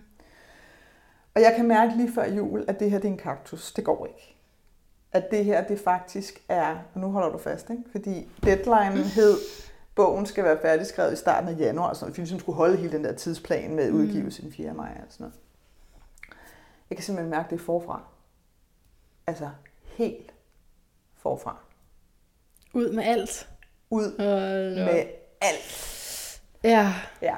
Og det, der er så mærkeligt, det er, at jeg får den følelse af, at det her, det er clean cut, det er forfra. Der er jeg fuldstændig rolig. Og jeg har sådan et, jeg har sådan et ego, der bare står og brøler mm. på sidelinjen, sådan, hvad har du gang i? Det Du har nok meningen- også brugt nogle penge på en redaktørs hjælp Helt vildt. der, ikke også? Ja. Det var jo meningen, at du skulle redigere, og det Ja. må, det, man må kunne få det tilbage på sporet. Og hvad har du tænkt dig, hvad har du tænkt dig, hvad har du tænkt? Det er den der sådan, følelse, jeg har inde i mit hoved på den ene side. Mm. Og så er der bare noget større i mig, som siger, det ved jeg ikke, men det ved jeg i morgen. Mm. Og det, det er jo sådan en uforklarlig ting, kan man sige, den der fornemmelse af. Og dagen efter kommer jeg ind, stru- hele strukturen er der på bogen. Jeg får et telefonmøde med min redaktør, fordi jeg er ligesom nødt til at fortælle til hende, det her det er forfra. Øhm, og det skriver jeg til hende, når vi arrangerer telefonmøde. Hun har så afsløret for mig efterfølgende, at hun, hun virkelig tænkte, det, det her det kan gå to veje. Enten så bliver det fuldstændig genialt, eller så kommer vi aldrig nogensinde videre med den Mhm, bog. Altså mhm, fordi, mhm. shit mand, hvad fanden er der foregår med det her kvindemenneske? øh, og vi har det der telefonmøde, jeg forklarer hende sådan lidt mere i detaljer, hvad det er, jeg havde forestillet mig, og, og, og, og hvor hun siger, det kan jeg godt forstå, go, det lyder fedt, Mm. cool.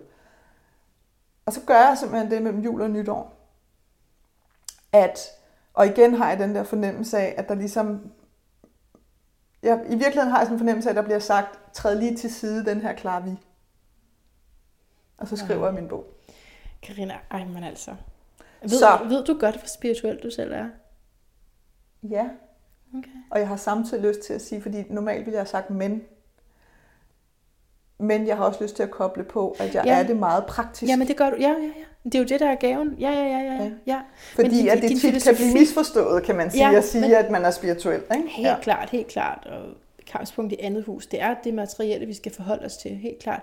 Men jeg kan, jeg kan bare godt høre i din filosofi, at, øh, at du er velinformeret. Mm. Ja. ikke også? Ja, også ja, i forhold til det med at opleve kontrasterne. Det Ja. går vi meget op i evolutionær astrologi, at man både skal prøve at have magten og være magtesløs, mm. ikke? Altså for at, øh, for at evolutionen kan ske. Jamen også fordi ellers så har du ikke noget at spejle op imod. Du har ikke Nej. noget at forholde det til. Hvis alt, Mm. altså det, vil jo, det er jo lidt ligesom den der smukke, hvis ikke der var nogen skygge, jamen, så ville du ikke vide, hvad lys var. Mm, Fordi mm. du ville ikke vide, hvad var det modsatte. Mm. Øhm, så, så selvom vi kan have de der forbaskede kontrakter ja. nogle gange, fordi at vi, øh, og det kan jeg også sagtens, at vi, vi tit er hurtige til at dømme dem. Ja, I stedet for at, at netop at gå ind i den der, hvad er gaven i virkeligheden, den her Jo. kontrakt, så får vi dømt den ude. Ikke? Nu var den dum, og nu kunne det ikke, og nu var det også dumt, du ved. Ikke? jeg Og jeg kunne fint være gået i panik over hele det der bogskriveri, ikke? men det blev Jo. bare en meget rolig proces, og da hun får det der udkast, det første udkast, hvor jeg sådan tænkte, da jeg havde skrevet det, tænkte jeg, it's done. Fordi jeg havde også aftalt med hende, du får dem ikke i bidder, du får hele bogen. Ja, den kommer her. Buff. Ja. Og da hun så ligesom vender tilbage og siger, jeg har ingen idé om, hvad fanden der er sket, men det her, det er genialt. Hvad dag øh, var det, den blev udgivet? Og så den 4. maj, 4. maj, officielt, og- er den, og sådan den 2. maj, officielle var det ikke? udgivelsesdato. Ja, og 2. maj er Neptun direkte på. Det er meget smukt. Øh, ja. Ja, det, det, det er det her med, at du skriver, de kan give dig smukke ting, altså penge og skønne oplevelser, men de er ingenting værd. Hvis du ikke har styr på, hvad det er for et liv, du har lyst til at leve, og hvorfor. Svaret kan aldrig være, jeg vil bare være rig. Penge har i sig selv ingen menneskelig værdi, og derfor kan de heller ikke alene gøre dig lykkelig. Nej. Det kan godt være, at det lyder som sådan noget, man burde vide, men det er bare, ja. man kan godt glemme det, når man mangler, Helt og når man er opvokset, fordi altså for mig så handler det om at komme fra en familie, hvor det er sådan konkluderet, mm. ligesom, mm. der er bare mm. ikke nok. Og velkommen til alt samfundet, altså. ja, ikke også? Ja, Det er sådan Ja. ja. meget sådan, nærmest sådan fysisk, at der er nogen, der bliver presset ned. Ja. Øh, til mindre end det kan være. Ja. Øh, Så der kan man godt glemme, at, at lykken ikke ligger i det modsatte, altså i rigdommen. Øh, Men friheden i, at lykken ikke ligger i rigdommen, er jo, at ulykken heller ikke ligger i, når man ikke har så mange penge. Ja. Ikke også? Jo, det, og det er jo sjovt, fordi det er jo igen kontrast, men vi skal bare tænke på, øh, og, og så er vi tilbage til lidt at være lidt, lidt forstående over for os selv, fordi mm. at der i årtier, århundreder, har jeg lyst til at sige, øh, men nu mere i årtier med de her udtryk, jeg kommer med nu, altså cash is king, Mm-hmm. money makes the world go round, alle Ja. de her øh, Ja. sådan sayings og citater, som har været sådan helt øh, Wall Street gecko-agtige, øh, du ved, og det har virkelig været sådan the shit, Ja. Øhm, og det har kørt. Det har været sådan, øh, det har været. Den skulle vi igennem som, øh, som mennesker. Ja. Så skulle vi helt derud. Øh, og nogle mennesker Ja. er stadigvæk helt derude. Mm-hmm. Hvor at det, det der, der, der giver værdi for dem, det er at have mange penge, og, og det bliver aldrig nok. De skal have mere, mere, mere, mere, Ja. mere, mere, mere. Ja. Øh, men hvis man har, hvad skal man sige, hvis man så sætter det lidt på spidsen, og det er ikke en enten eller det her, det er ikke det, jeg prøver at Nej, gøre den nej, op til, men, men det rigtig tit, så hvis vi gerne vil have mange, mange, mange, mange, mange, mange penge, bare for at have dem, øh, så er det jo i virkeligheden, fordi vi er meget utrygge, ikke? og vi mener, at det bringer os tryghed, og det, Ja. og det får sat os i, igen i forhold til andre mennesker, så bliver jeg mere værd end dig, synes jeg selv, hvis jeg har mange penge. Hvis jeg har mange flere penge end dig, hvis jeg er en af de typer, der tænker sådan, så er jeg meget mere værd end dig. Og så har jeg det lidt bedre med mig selv. Ja. Fordi så er jeg i hvert fald mere værd end nogen. Og hvis jeg så kan være mere værd end rigtig mange, så har jeg det også bedre med mig selv. Men lige pludselig så finder jeg bare ud af, når jeg sidder deroppe på toppen. Altså jeg havde en øh, chef engang, hvor da han fyldte 50, øh, der var øh, 80% af alle gæsterne, det var forretningsforbindelser. Mm. Og de sidste 20% af sådan en familie, det var egentlig bare mest fordi, at det var det, man gjorde. Ikke? Altså man mødte op til, til fødselsdagen ja. der. Ikke? Det var ikke fordi, de havde lyst til Nej, at nej, være det der. er pligt. Øh, og det vil sige, det var relativt upersonlige relationer, der stod og fejrede dig som, mm. som menneske. Ja. Øhm, og, og når vi har en, en følelse af, at vi skal sammenligne os med andre, og vi føler os bedre værd, så har vi også en tendens til at frastøde andre. ja. Og det vil sige, så kommer vi lige pludselig ind i noget, der hedder ensomhed. Fordi hvor fedt er det at sidde med 10 millioner, Mm. men du har ikke nogen at ringe til. Der er ikke nogen, der gider at komme forbi og, øh, og lege med virtuelle vandpistoler en fredag eftermiddag, mm. eller lave øh, fredagsbar derhjemme og, og bare danse gakket eller et eller andet, fordi de mennesker er der bare ikke længere. Mm.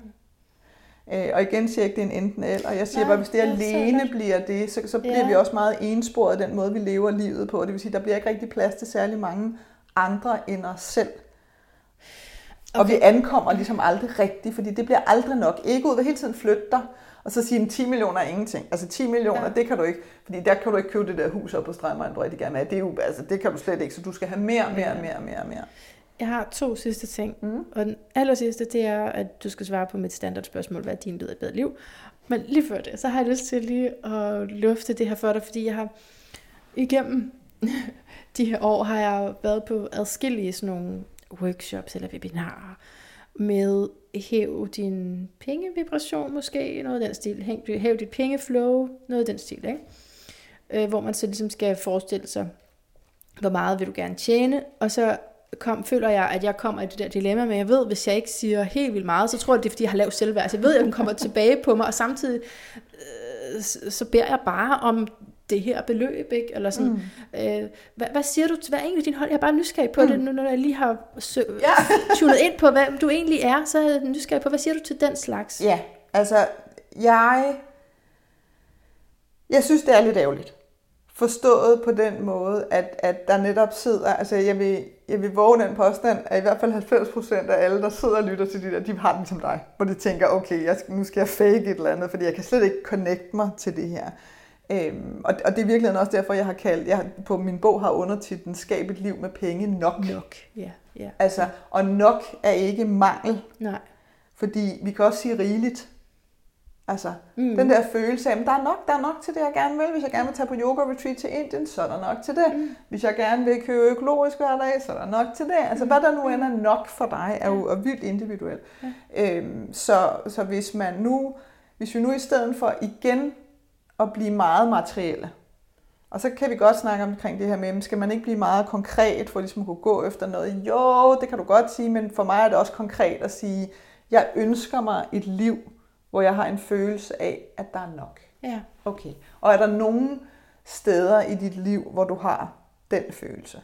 Hvis du har børn, øh, jamen har du kærlighed nok til dem? Mm. Ja, i overflod, mm, vil, ja. vil langt de fleste forældre jo ja, sige. præcis. Okay, så du, du kan godt tabe ind i den følelse. Du ved godt, hvordan det er at føle den her følelse af at have rigeligt og have Klart, nok. klart. Det kan være, at du har nogle skønne venner, det kan være, at du har en skøn familie, Ja. whatever, eller at du virkelig føler, når du dyrker yoga, at du er det vildeste flow, whatever. Du kender godt følelsen. Ja. Og det er i virkeligheden mere den, jeg synes, der er interessant at tabe ind i. Og så kan man begynde, hvis du sidder siger, det her kan meditere på længe, så kan man sige, så kan man jo tage, hvis man mediterer, så kan man jo tage den følelse med. Men, men fordi, som du selv siger, at hvis man skal sidde og sige der, hvor der sidder sådan 40 mennesker og er helt eksalteret og bare sådan, jo, Ja. jo, vi hæpper, ikke? Altså der går sådan Ja. helt amerikanske tilstand i det, ikke? At så føler man sådan, ej, det kan, jeg kan ikke tillade mig at sige det her, fordi så er jeg jo ikke lige så højt op på dem, og så, ligesom du også siger, så er jeg ikke lige så høj på energi, og jeg er jo ikke lige så... Ja, ja, ja. Og det er noget forbandet pis, bliver jeg altså nødt til at sige. Det er noget Mm. mm. fis, fordi vi kan jo ikke høre os selv, når det er, at tingene larmer så meget. Ikke? Så hvad fanden siger din intuition til dig? Ikke? Ja. Hvad er det, der bliver sagt? Det er, jo, Men det er jo det er- lækkert at gå ud og hente inspiration. Jeg elsker det selv. Vi skal bare passe på, altså vi skal bare huske at lade os inspirere, og ikke lade os diktere. Ja. Så når vi går ud, og det er meget sjovt, for jeg har faktisk lige indtalt et afsnit i min egen podcast omkring det her, men når vi går ud og leder efter en løsning, Ja. mm, Aha. uden for os selv, Ja. så er vi på vildspor. Med mindre det er direkte kompetencegivende, altså jeg kunne godt tænke mig at lære at køre bil, så det er skidesmart at tage fat i en kørelærer. Ja. Fordi det er de simpelthen skabt til. Ja. Ja. Altså, det er skidesmart. Hvis vi leder efter løsninger på noget som helst andet end sådan ren rå kompetence, Aha. uden for os selv, så har vi lagt magten derud. Altså, man mener også, det er et job. Hvad siger du? Også, det kan også være et job, ikke? Det kan sagtens være et job. Altså, det må godt være ude. Ja. Ja. ja. Jo, jo, men du kan sige løsning. Jamen, løsning er jo ikke jobbet. Nej, det er, at jeg beslutter. Eller hvad? Løsning er jo ikke jobbet, fordi så har du igen lagt magten ud på dit job. Nå, hvad er så løsningen? Ja. Pengene? Jamen, hvad er det? Jamen, hvis du søger en løsning, du kan kun finde løsningen inde i dig selv. Du kan søge en forståelse, det kan du gøre ved at tilmelde dig alle mulige webinarer. Så sige, jeg gad godt at blive klogere på det her. Ja. Men det er ikke, hvis jeg sidder og booker mig ind på det her webinar, eller det her kursus, der koster et shitload af penge, det gør rigtig mange af dem nemlig. Mm-hmm. Og det er at jeg kan betale i rater, men det koster stadigvæk et shitload af penge. Øhm, I håbet om, at her er løsningen på, mm. hvordan jeg endelig kan leve af min forretning, for eksempel. Jamen, det er jo helt klart derfor, jeg har gjort det, fordi jeg har tænkt, det må være de bedste kurser at investere i, fordi de giver mig penge, og Ja, det er og det, der- jeg har allermest Ja, brug for. og der kan du se, der er det jo løsningen, du leder efter. Hvordan kan jeg tjene penge? Det må det her kursus kunne løse for dig. Nej. Ja, nej. Det her kursus kan maksimalt inspirere dig og åbne dig op, give dig nogle nye idéer, men hvis det skal føles godt for dig, Fordi de kommer masser af løsninger. Mhm. Mm-hmm. Nu laver jeg også nogle citationstegn. Ikke? Mm. kommer masser af løsninger, hvor det er efter sådan nogle metoder. Ja. Hvad gør du så, når første gang, at du ser sådan en metode, tænker, det der har jeg overhovedet ikke lyst til at gøre sådan der. Altså, det kan jeg slet ikke se mig selv i. Så er du dømt ude. Så går jeg ind i en eller anden identitet med, at Jamen, så er du dømt ude, Ja, kan du godt kan- se. Så hele det der på kursus, fordi det kører på metoder. Ikke? Så jeg har det sådan, hvis mennesker lover dig, hvis Mhm. andre mennesker lo- siger til dig, øh, hemmeligheden bag, mm, jeg har knækket koden til, Mm. at øh, hvis ikke du foretager de her syv trin, så kommer du aldrig, det er derfor, du altid er blevet Mm. ja, stoppet. det er meget dramatisk. Så skal du øh, sige, det var hyggeligt, og så skal du løbe meget hurtigt væk. Så. Så Nu, nu er jeg nødt til at høre, at din lyd er et bedre liv. Selvom jeg ikke har lyst til at løbe nogen steder. Men, men tiden er løbet, ikke? lyden af et bedre liv. Mm-hmm. Jamen, øh, det er i virkeligheden at grine. Ja, det er det. Og, og det er fordi, at jeg kan også sagtens selv blive øh, alt for alvorlig Mm. nogle gange. Mm. Og, og blive sådan øh, helt øh, fokuseret på grænsen til fixeret på et eller andet, hvor at, øh, at, at det, der i virkeligheden så er fedt der, det er bare at trække stikket, og så bare lave noget helt gakket, og, og lige komme ud af den, fordi det faktisk også er der, at intuitionen kan tale til dig igen. Mm. Fordi man tit lukker ned, når det er, at, øh, at vi summer Det ind. bliver for stift. Ja.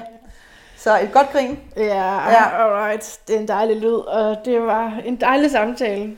Tusind tak, fordi du gad at komme og fortælle os om money makeover mindset. Og tak fordi jeg måtte. Det ligger også i tvillingen, det der øhm, med at grine. Og hjertet tak, fordi du har lyttet med til den her episode, som blev noget længere. Det var slet ikke intentionen, men øh, det skred for mig simpelthen. Jeg sad lige i en position, hvor jeg ikke kunne se tallet, altså jeg kunne ikke se øh, tiden. Men øh, ja, og jeg, så fik jeg et chok, da jeg fandt ud af, hvor meget klokken var. Øh, men ikke så meget chok, at jeg faldt om af det. jeg er her endnu, og jeg vælger, at øh, den skal have lige præcis den her øh, længde, som altså er faktisk kortet en lille smule ned, fordi de er med at optage hele to timer, og det synes jeg alligevel var for meget at sende ud. Men her til sidst vil jeg spare dig for, øh, at du skal høre alt for meget mere. Nu vil jeg bare sige til dig, indtil vi høres ved igen, gentænk alt, måske især dit penge-mindset.